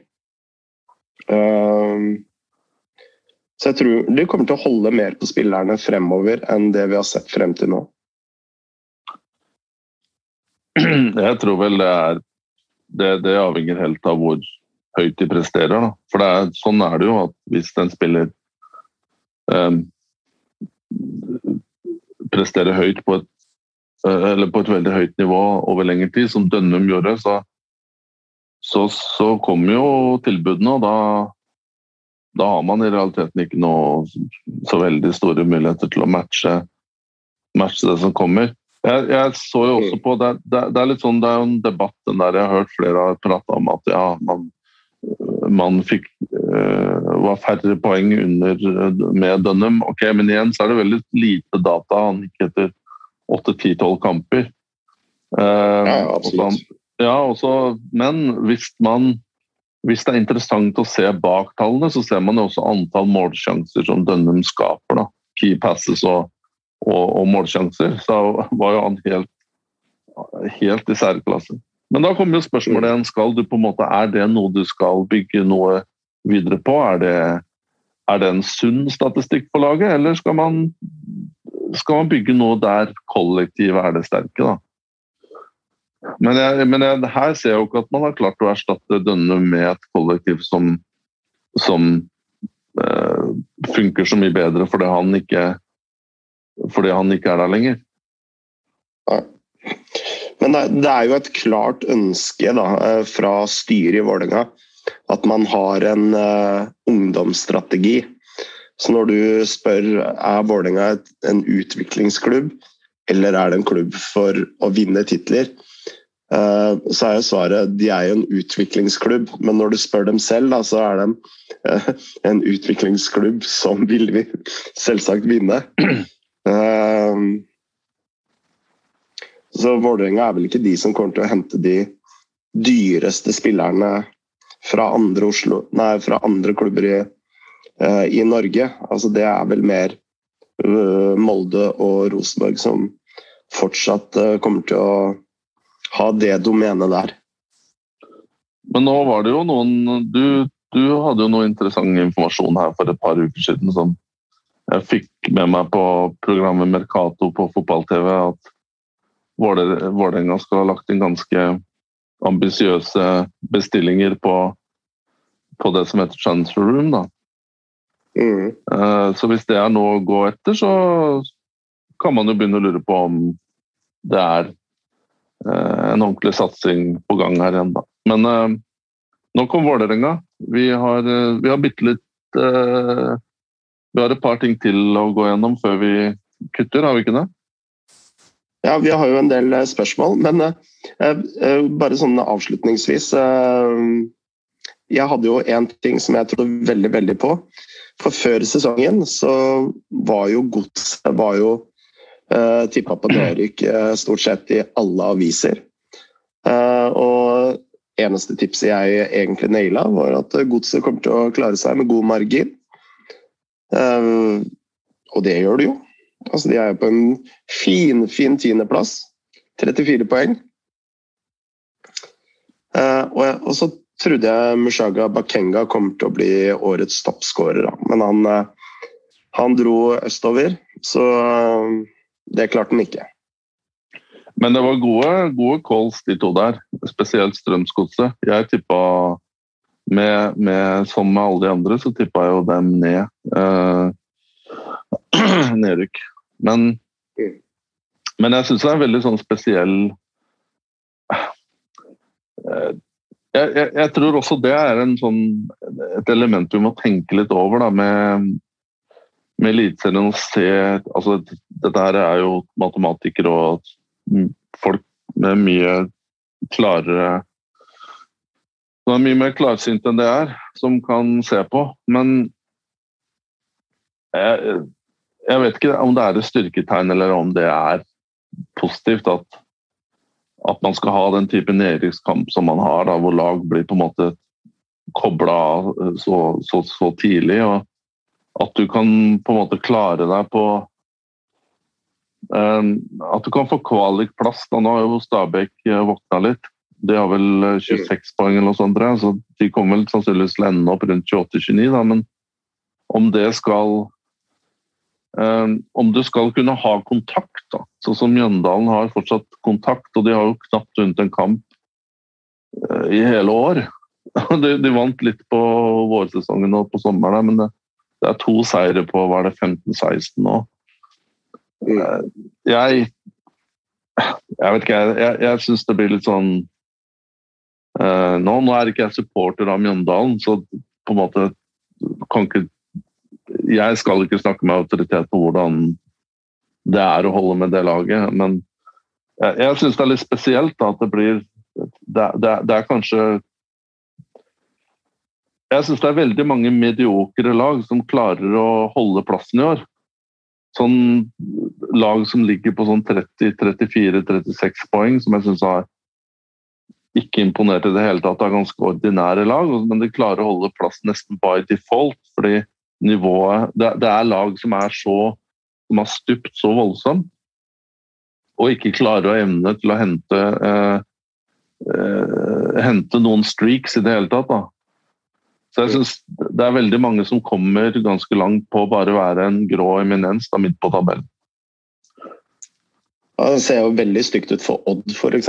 Som uh, altså Etter at Bakenga ble solgt, har jo falt fullstendig av lasset. Ja, det er ett eksempel, og de kan jo de, Er de på 29, eller? Så de trenger vel ett poeng, kanskje. Så, men Jeg tror de, de er på 30. Ja. Ja, på 30 er riktig. Men det har vel Stabæk i siste kampen her, så sånn teoretisk så kan de jo fortsatt hente dem igjen, men Men um, ja. poenget står seg, tror jeg.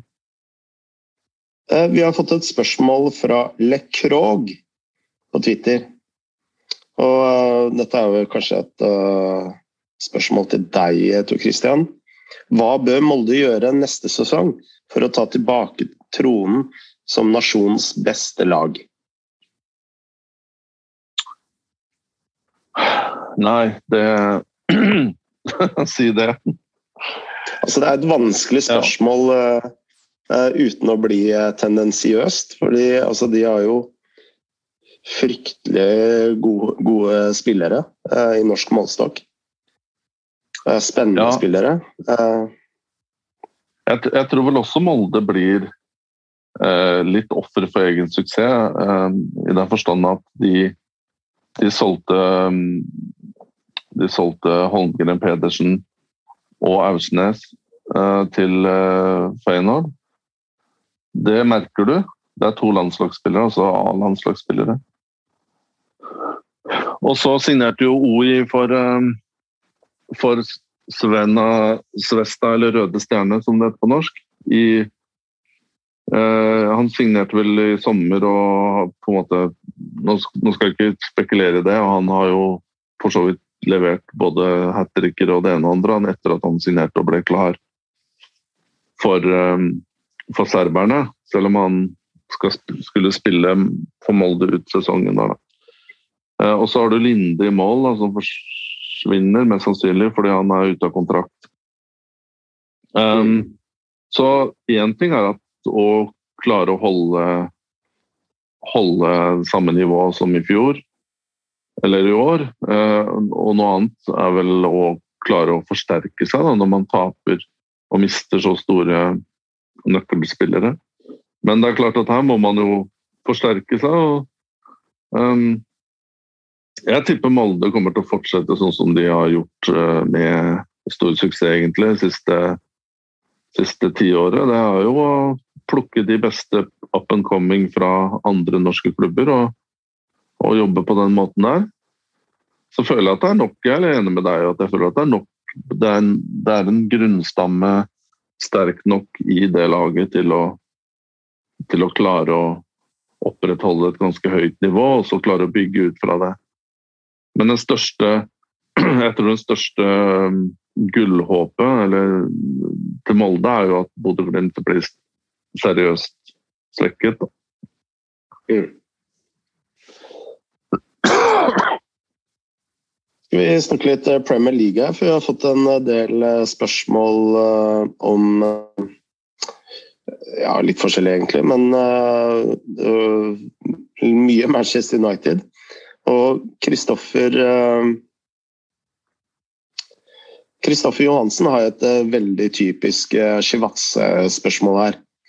Kan dere trekke frem to-tre hovedtrenere som dere tror har potensial til å ta steget helt til topps og ta over for de aller ypperste etablerte topptrenerne, Pep Klopp Simone, i løpet av de tre 35 neste årene? Ja, Mest opplagte, han, mest, mest opplagte er jo um, Men han er jo allerede der. Det er jo Nagelsmann. Altså hvis du ser på alder, han er vel tidlig 30-årene. Men han, han, er i Bayern München, og han er jo allerede en han, han, har allerede kommet kanskje til toppen av der han skal være. Um, men, Manchester, Manchester United, tror du etter at uh, Ralf Ragnhild går over i en sånn konsulentrolle, at uh, Nagelsmann kanskje er på, på, lista til Manchester United? Jeg tipper han er eh, på lista, var på lista til uh, de fleste, men etter han gikk til Bayern, så tror jeg det er helt håpløst. Og jeg tror For en tysker så tror jeg Bayern er like så gjevt som, som å trene Manchester United. Ja. Men uh, av andre så tenker jeg um, Du har noen sånne uh, interessante navn uh, Altså det som kanskje er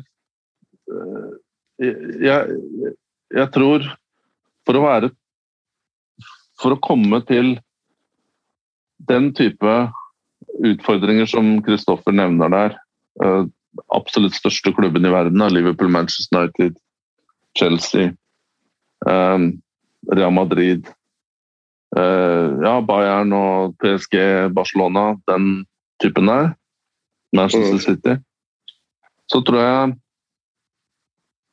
um, du må ha ikke bare Dette er ganske opplagt, da, men du må, du må ha noe ekstra. det Uh, og det er ikke alle som klarer den overgangen fra å være en meget lovende up and coming trener som har faget på plass og har, som er veldig våken og har mange spennende ideer. Men i de klubbene her så kommer den voldsomme X-faktoren som ingen, absolutt ingen, kan forberede deg på, og det er presset og media, oppstyret. Eh, da, går du inn i en annen verden. Og den verden er ikke for alle. Eh, så det er veldig spesielle typer, og veldig få typer som mennesker da, som klarer den siste upgraden der. Og derfor så blir jeg litt sånn Hva skal jeg si? Jeg blir litt uh, frust, ikke frustrert, nå fant jeg ikke noe bedre ord. Jeg blir ikke frustrert, og sånne ting, men jeg blir bare litt sånn paff da når folk lanserer Graham Potter for eksempel, da, til å ta over uh, Manchester United. Ikke et vondt om Graham Potter, jeg har veldig stor respekt for han, men det kan jo ikke sammenlignes å trene Swansea og Brighton. Og, og, de spillerne som man har i de klubbene, er et helt annet sted i karrieren og helt annet sted mentalt. Helt annen opplevelse av eget talent enn det man har i Manchester United. Der har du verdensstjerner, du har rockestjerner om du vil. Det å man, man manage da, det er eh, ekstremsport. Mm. Så liksom den derre tanken om at fordi du har gjort en god jobb der, og så skal du plutselig til en av disse toppklubbene. Du ser jo Real Madrid og, og Barcelona. Liksom. Det, de har jo også prøvd trenere fra mindre klubber i Spania og ser jo at det ikke liksom, det har ikke funka. Så ender man opp til å gå tilbake på Xavi fordi han har fordi han er en eks-toppspiller eh, selv. Da. Um, men um, jeg vil jo trekke fram um, Vi nevnte jo uh, ja, selvsagt Nagelsmann er den opplagte. Og så har du uh, Jeg vil jo si Ruben Amorim da, i, i, sporting. i sporting. Ja, veldig interessant uh, type. Som er ekstremt uh, han, han, var jo også ikke topp ikke liksom stjernespiller, men han har vel en del landskamper for Portugal og hadde en god spillekarriere. Men han starta litt fra scratch igjen og, og, og utdanna seg skikkelig. Og har, har vært veldig ydmyk i tilnærmelsen til, til, faget. Og har hatt ganske oppsiktsvekkende resultater, ikke bare i sporting. Han var vel en kort periode, jeg lurer på om det var i Braga, hvor han snudde det skipet umiddelbart og tapte nesten ikke kamper. Og også en sånn big club, nei, big match-trener. Han har veldig sånn har en tendens til å vippe de viktige kampene i sin favør. Jeg vet ikke om du har uh, andre navn på blokka?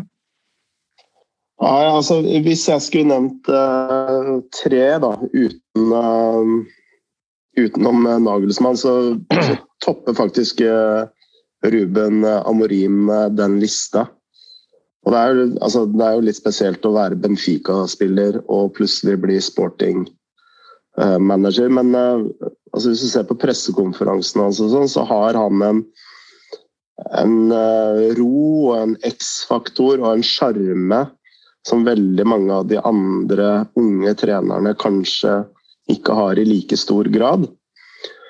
Uh, og så har han en sånn Jeg føler at uh, når jeg ser lista over liksom, de 10-20 mest spennende unge trenerne, så er det veldig mange offensive, uh, offensive trenere, men uh, Ruben Amorin er jo først og fremst en veldig defensiv orientert trener. pragmatisk orientert trener.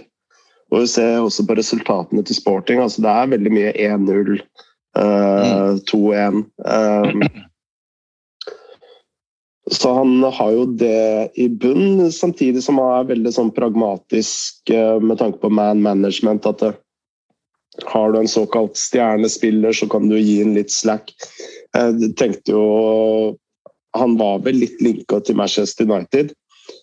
Og jeg tenkte at jeg, i den diskusjonen om Christian, Cristiano Ronaldo var et problem for Manchester United, så hadde det i hvert fall ikke vært et problem for Ruben Amorin.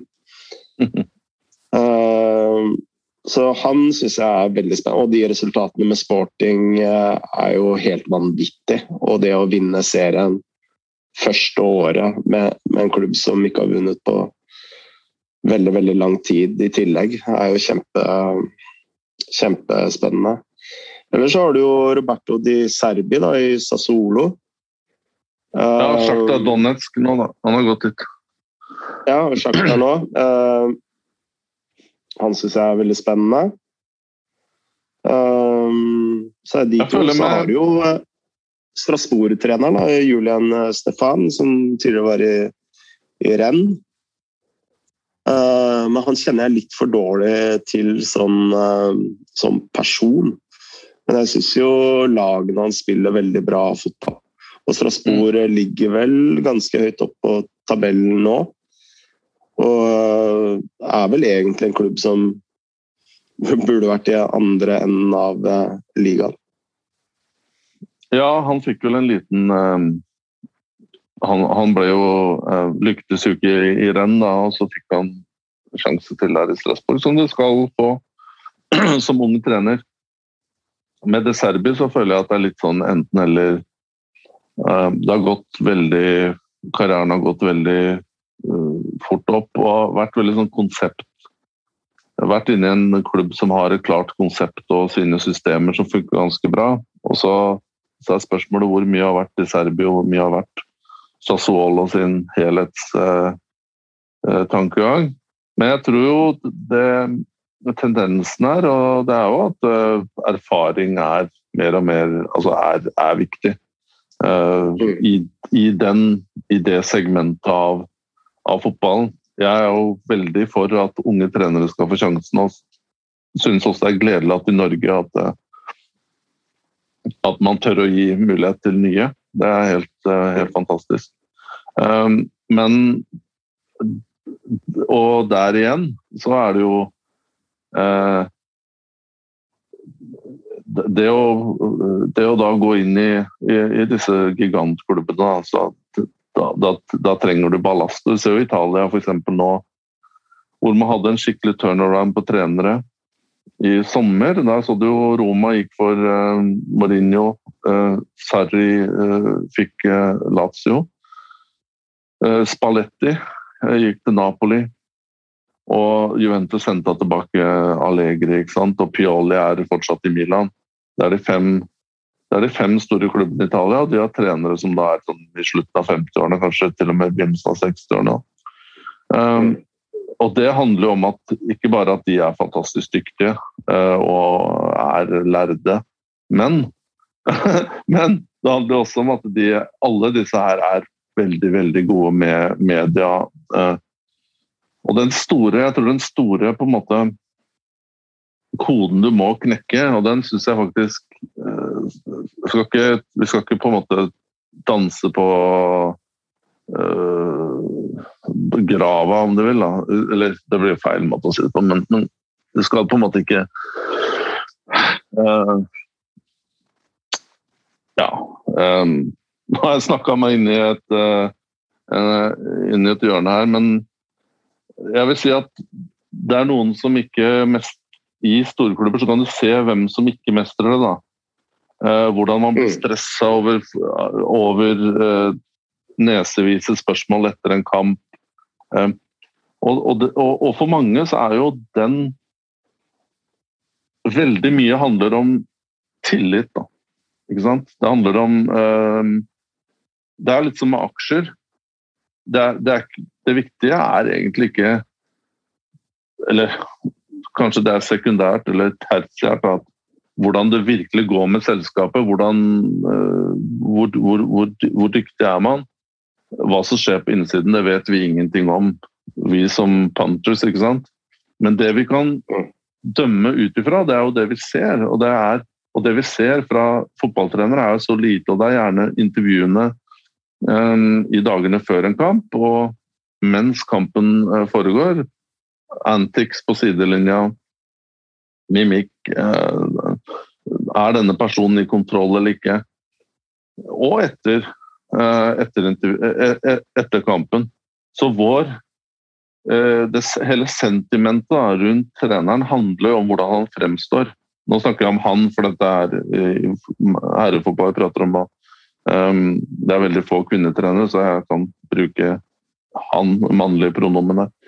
Men um, um, der Det å klare å mestre det, det, det, det hjelper ikke å si smarte ting. Du må også klare å mestre ansiktsuttrykk. Du må, du må Eh, du må fremstå på alle mulige måter som kontrollert, oppegående.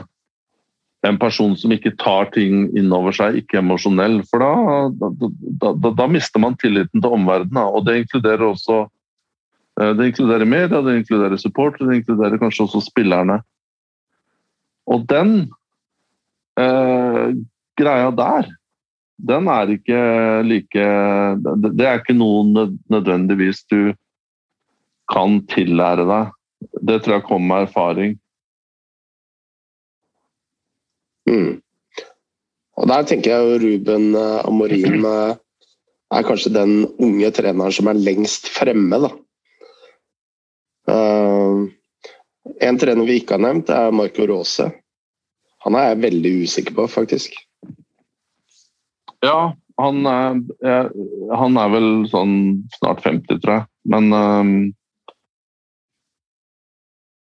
jeg, jeg, har egentlig godt inntrykk av han fra, fra Gladbach. Jeg syns han gjorde en god jobb der. Jeg liker også typen, uh, må jeg si. Men um, om han skal opp på, opp på det nivået vi snakker, det, det vil jo tiden vise.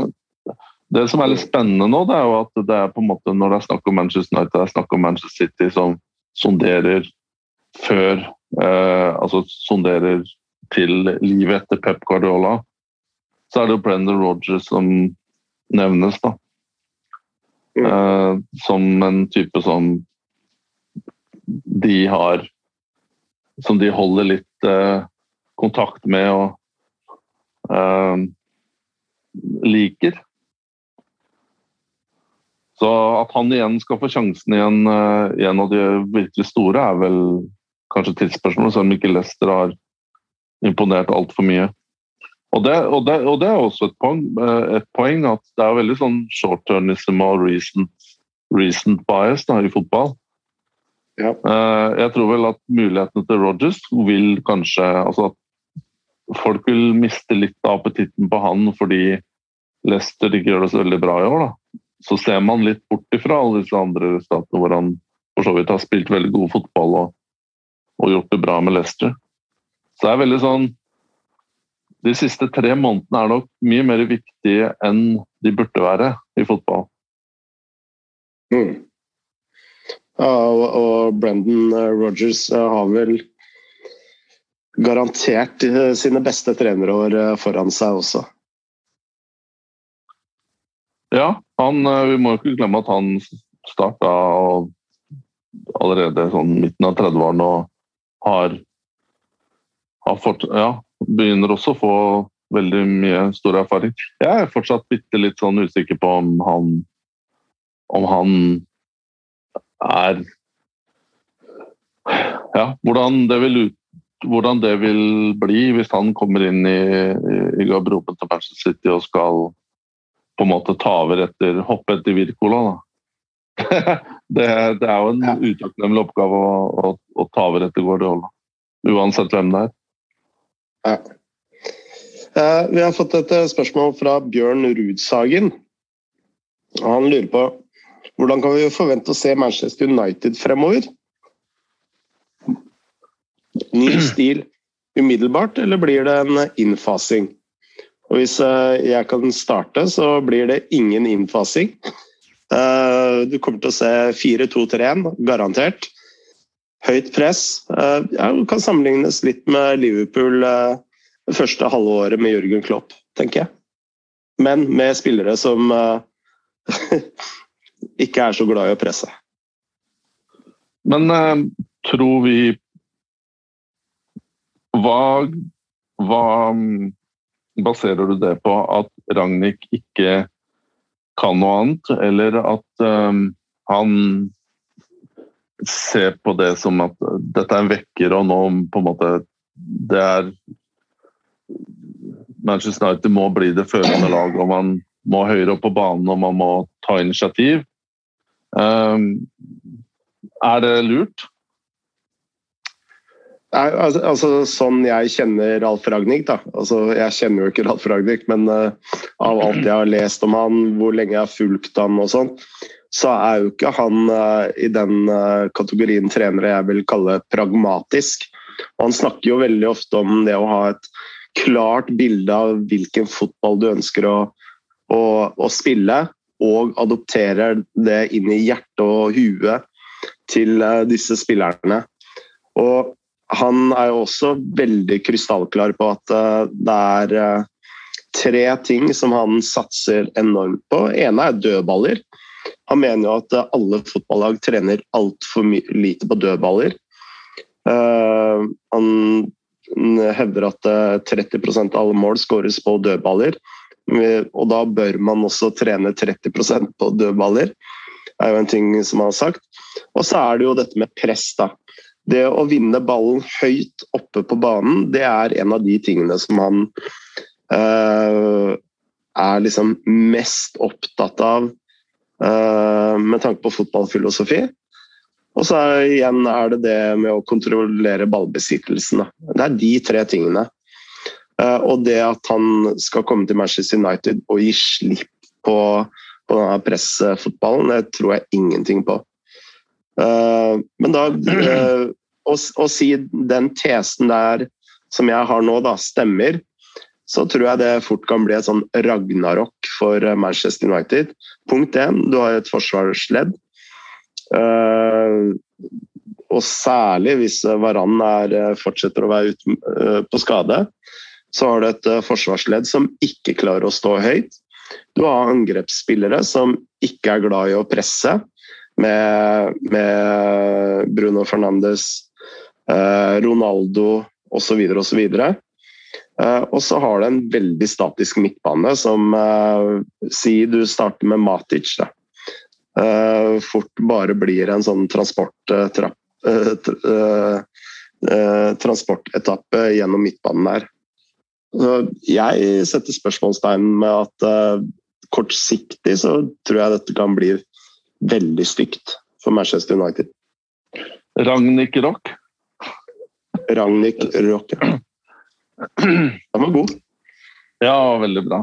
Det var vel en sånn eh, Det var vel en eller annen forbindelse der som gjorde at du brukte akkurat det ordet. Men uh, jeg er litt mer opptatt av Eller jeg, jeg, prøver å forstå hva man har tenkt her. Um, og så får man så, så, er jeg spent på selvsagt også hva som skjer, og hastigheten på, på uh, Ja, hvor, hvor, hurtig ting uh, skal på plass. Men jeg, jeg, tipper jo at Eller jeg vil jo tro at Ragnhild uh, Altså har man på en måte vært Den enkleste slutningen her, da, det er jo at ok, Manchester United har til slutt uh, man har fått et innfall om at ok, moderne fotball uh, spilles på den måten her. Vi ser på de beste lagene, de presser høyt, de står høyt, de, de omstiller seg raskt. Og, um, og så har man tenkt ja, da skal vi ypperste presten i den skolen der. Det er Ragnhild. Ok, uh, kom hit. Passer bra nå. Kan gjøre en jobb her. Det vil jo være den enkleste på en måte, konklusjonen. Mm. Jeg er litt vanskelig for å se at det eh, er eh, at, at det er uh, grunnlaget, da. Jeg tenker heller at Jeg vil heller trodd at man har gått litt mer nøyaktig til verks her, og at man ønsker Ragnhild for mer enn hans kompetanse på sidelinjen. Da. At, at man har behov for en person eh, ganske høyt oppe i systemet, nesten board level, som kan legge føringer som, eh, utover hele klubben. Um, og at man nesten blir en sånn uh, Man kan kanskje ikke kommunisere det nå, fordi man er midt i en sesong og man har masse å vinne og, og, og tape, selvsagt. Uh, så derfor så blir det kanskje ikke kommunisert på den måten, men at dette her er en innrømmelse over at det som er blitt gjort de siste årene, om du vil helt tilbake til Ferguson-tiden, det i mellomtiden her, har ikke vært eh, bra nok. Og vi må legge om strategien vår fundamentalt for å komme på rett spor igjen og for å kunne være konkurransedyktig helt oppe i toppen. Og at Ragnhild skal være den personen som leder klubben gjennom den reformasjonen der. Det er sånn jeg tenker det. fordi Ragnhild har jo ingen spesiell track record på å være hovedtrener. Hans store styrker og det er jo som en fotballintellektuell, om du vil, om en, eh, som en strateg. Eh, en som bygger klubb, helst fra scratch, by the way, hvis du regner da Hoffenheim og, og Red Bull. Mm. Eh, og, og, det er også en litt annen oppgave enn å komme inn, inn i en, en, klubb der alle øynene er på, på deg hele tiden. Eh, og hvor det ikke minst er en eksisterende kultur som tydeligvis ikke har vært god nok. Eh, og har sine måter å gjøre ting på som heller ikke har vært eh, godt nok. Å klare å komme inn og forandre det mens toget ruller, det er jo en vanvittig tøff oppgave, da. Jeg ser for meg jeg, Min tanke da, er at ok, Ragnhild kommer inn nå, han skal, han skal lede laget. Det, det skal han gjøre. Men etter hvert at han skal jobbe mer på et strategisk nivå, at han blir eh, kanskje arkitekten også bak det nye trenerteamet, hvem som kommer inn eh, til sommeren. For da, da, må man jo naturligvis ha en trener som passer inn i, i, i, i hans tankegang. Det er litt som han gjorde i Lokomotiv Moskva, da, på, en, på, på, et selvsagt mye lavere nivå. Ja. Nei, altså Det er jo helt åpenbart at han eh, skal jo inn i en annen rolle enn fremrollen. Men, eh, og det er litt derfor jeg tenkte Nagelsmann var jo en perfekt, eh, kanskje en perfekt link inn som trener. Men en annen ting jeg tenker på, det er jo hvor mange kokker er det ikke der nå? Du har Murtog, du har Fletcher, og nå på toppen av det hele så har du Ragnhild som skal drive og kokkelere rundt omkring der. Eh, med et helt trenerteam full av eh, Manchester United, DNA osv. Jeg syns det ser Nei, men, For å bruke et sånt ord. Noen ganger så må du jo starte på, hvis du er villig, så må du jo starte på day one igjen. Uh, altså, hvis, uh, og det er, jo, det er, jo, sikkert ikke sånn at alt det som er blitt gjort i den klubben, her uh, de siste årene er ubrukelig. Det er sikkert Det problemet til Manchester United er at de ikke vinner trofeer og ikke har hengt helt med i toppen, og at, og at kanskje eller ikke kanskje, men ganske åpenbart andre har gått forbi dem i metodikk, moderne, modernitet av fotball og måte å, å, å, gjøre ting på.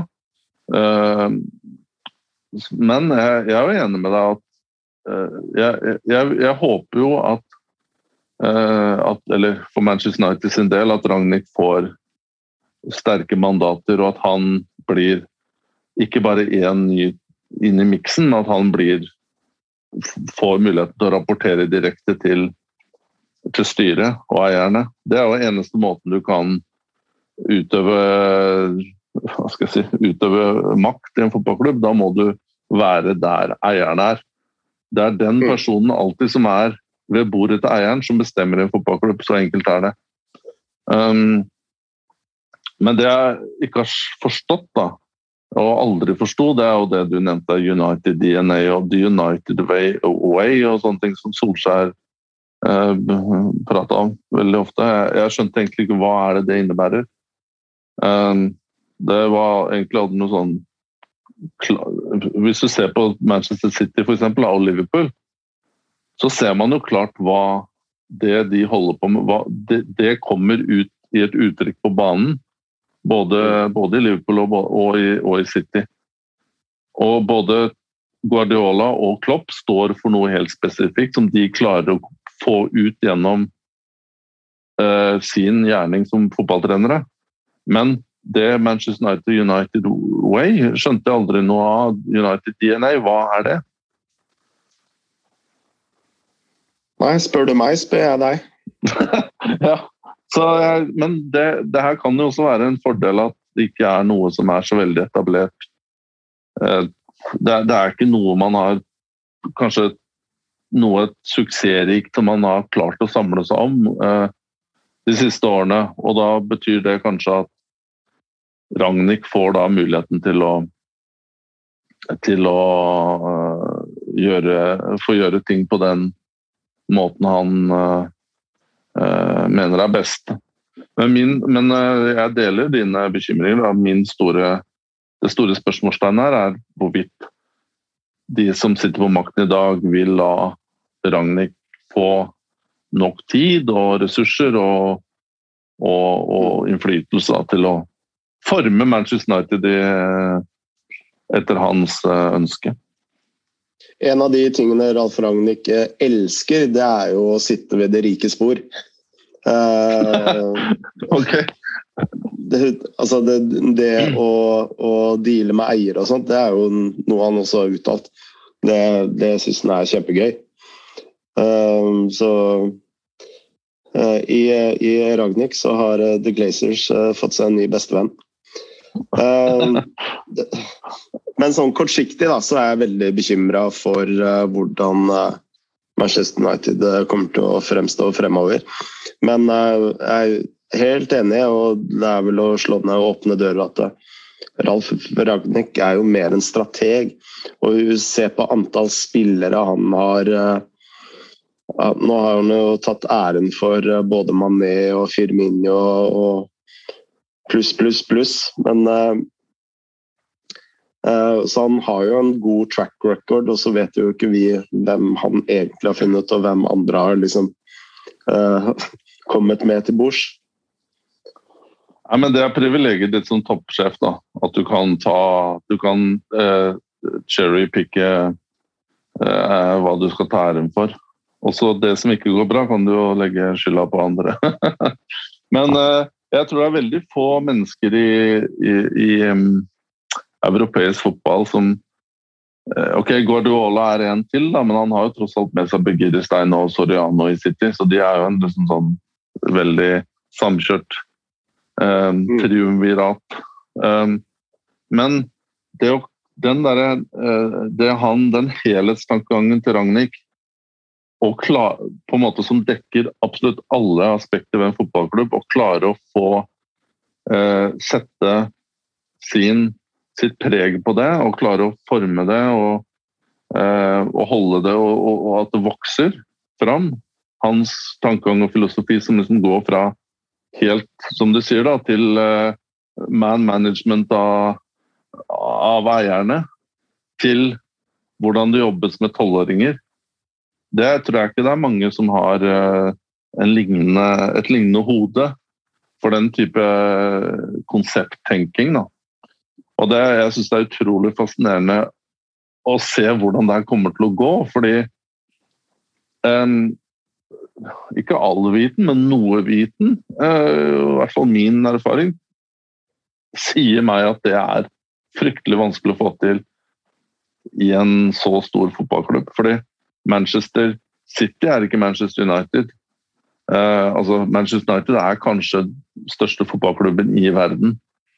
Um, med faktisk, som vi var inne på en, noe som de hevder var en kultur. ikke sant? De, noe, en eller annen romantikk, eh, sentimentalitet, da, som de har hatt fra Ferguson-tiden og skulle liksom ta med seg videre. Men igjen, da jeg har jeg aldri skjønt helt hva det er.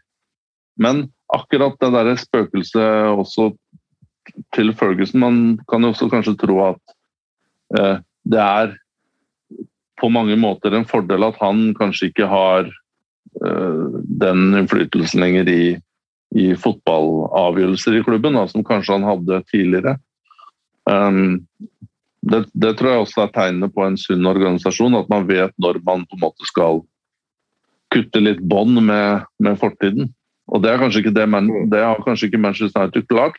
Men dette her er jo, hvis det er det vi tror det er, Frode, så er jo dette liksom en skikkelig Skikkelig uh, dristig, uh, men kul strategi, vil jeg si. da. Jeg er veldig veldig spent på å se hvordan dette går. For det han har fått til med RB Leipzig, blant, eller hele RB-systemet som han har vært med å bygge opp, er jo veldig imponerende.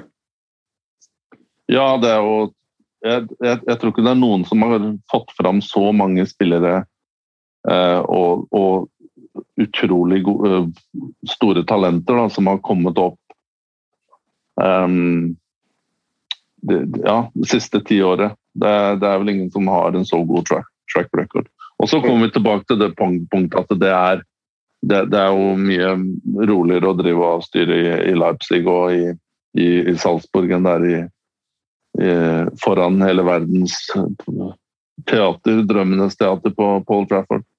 Men uh, han Jeg, jeg syns det er fint at han endelig får sjansen, og det har blitt skrevet i media at dette er noe han har venta på i, i 10-15 år, og endelig så får han muligheten. da. Mm.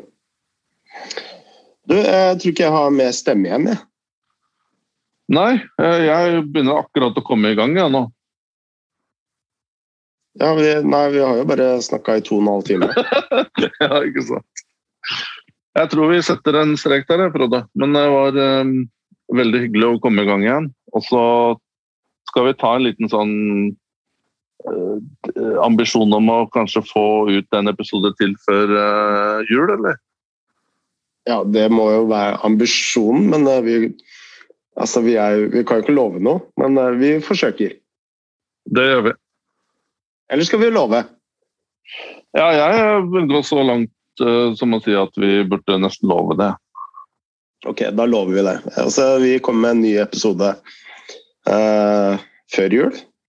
Og da sier vi som vi alltid sier her i, i Shivatse Privet og das vedanje. Moderne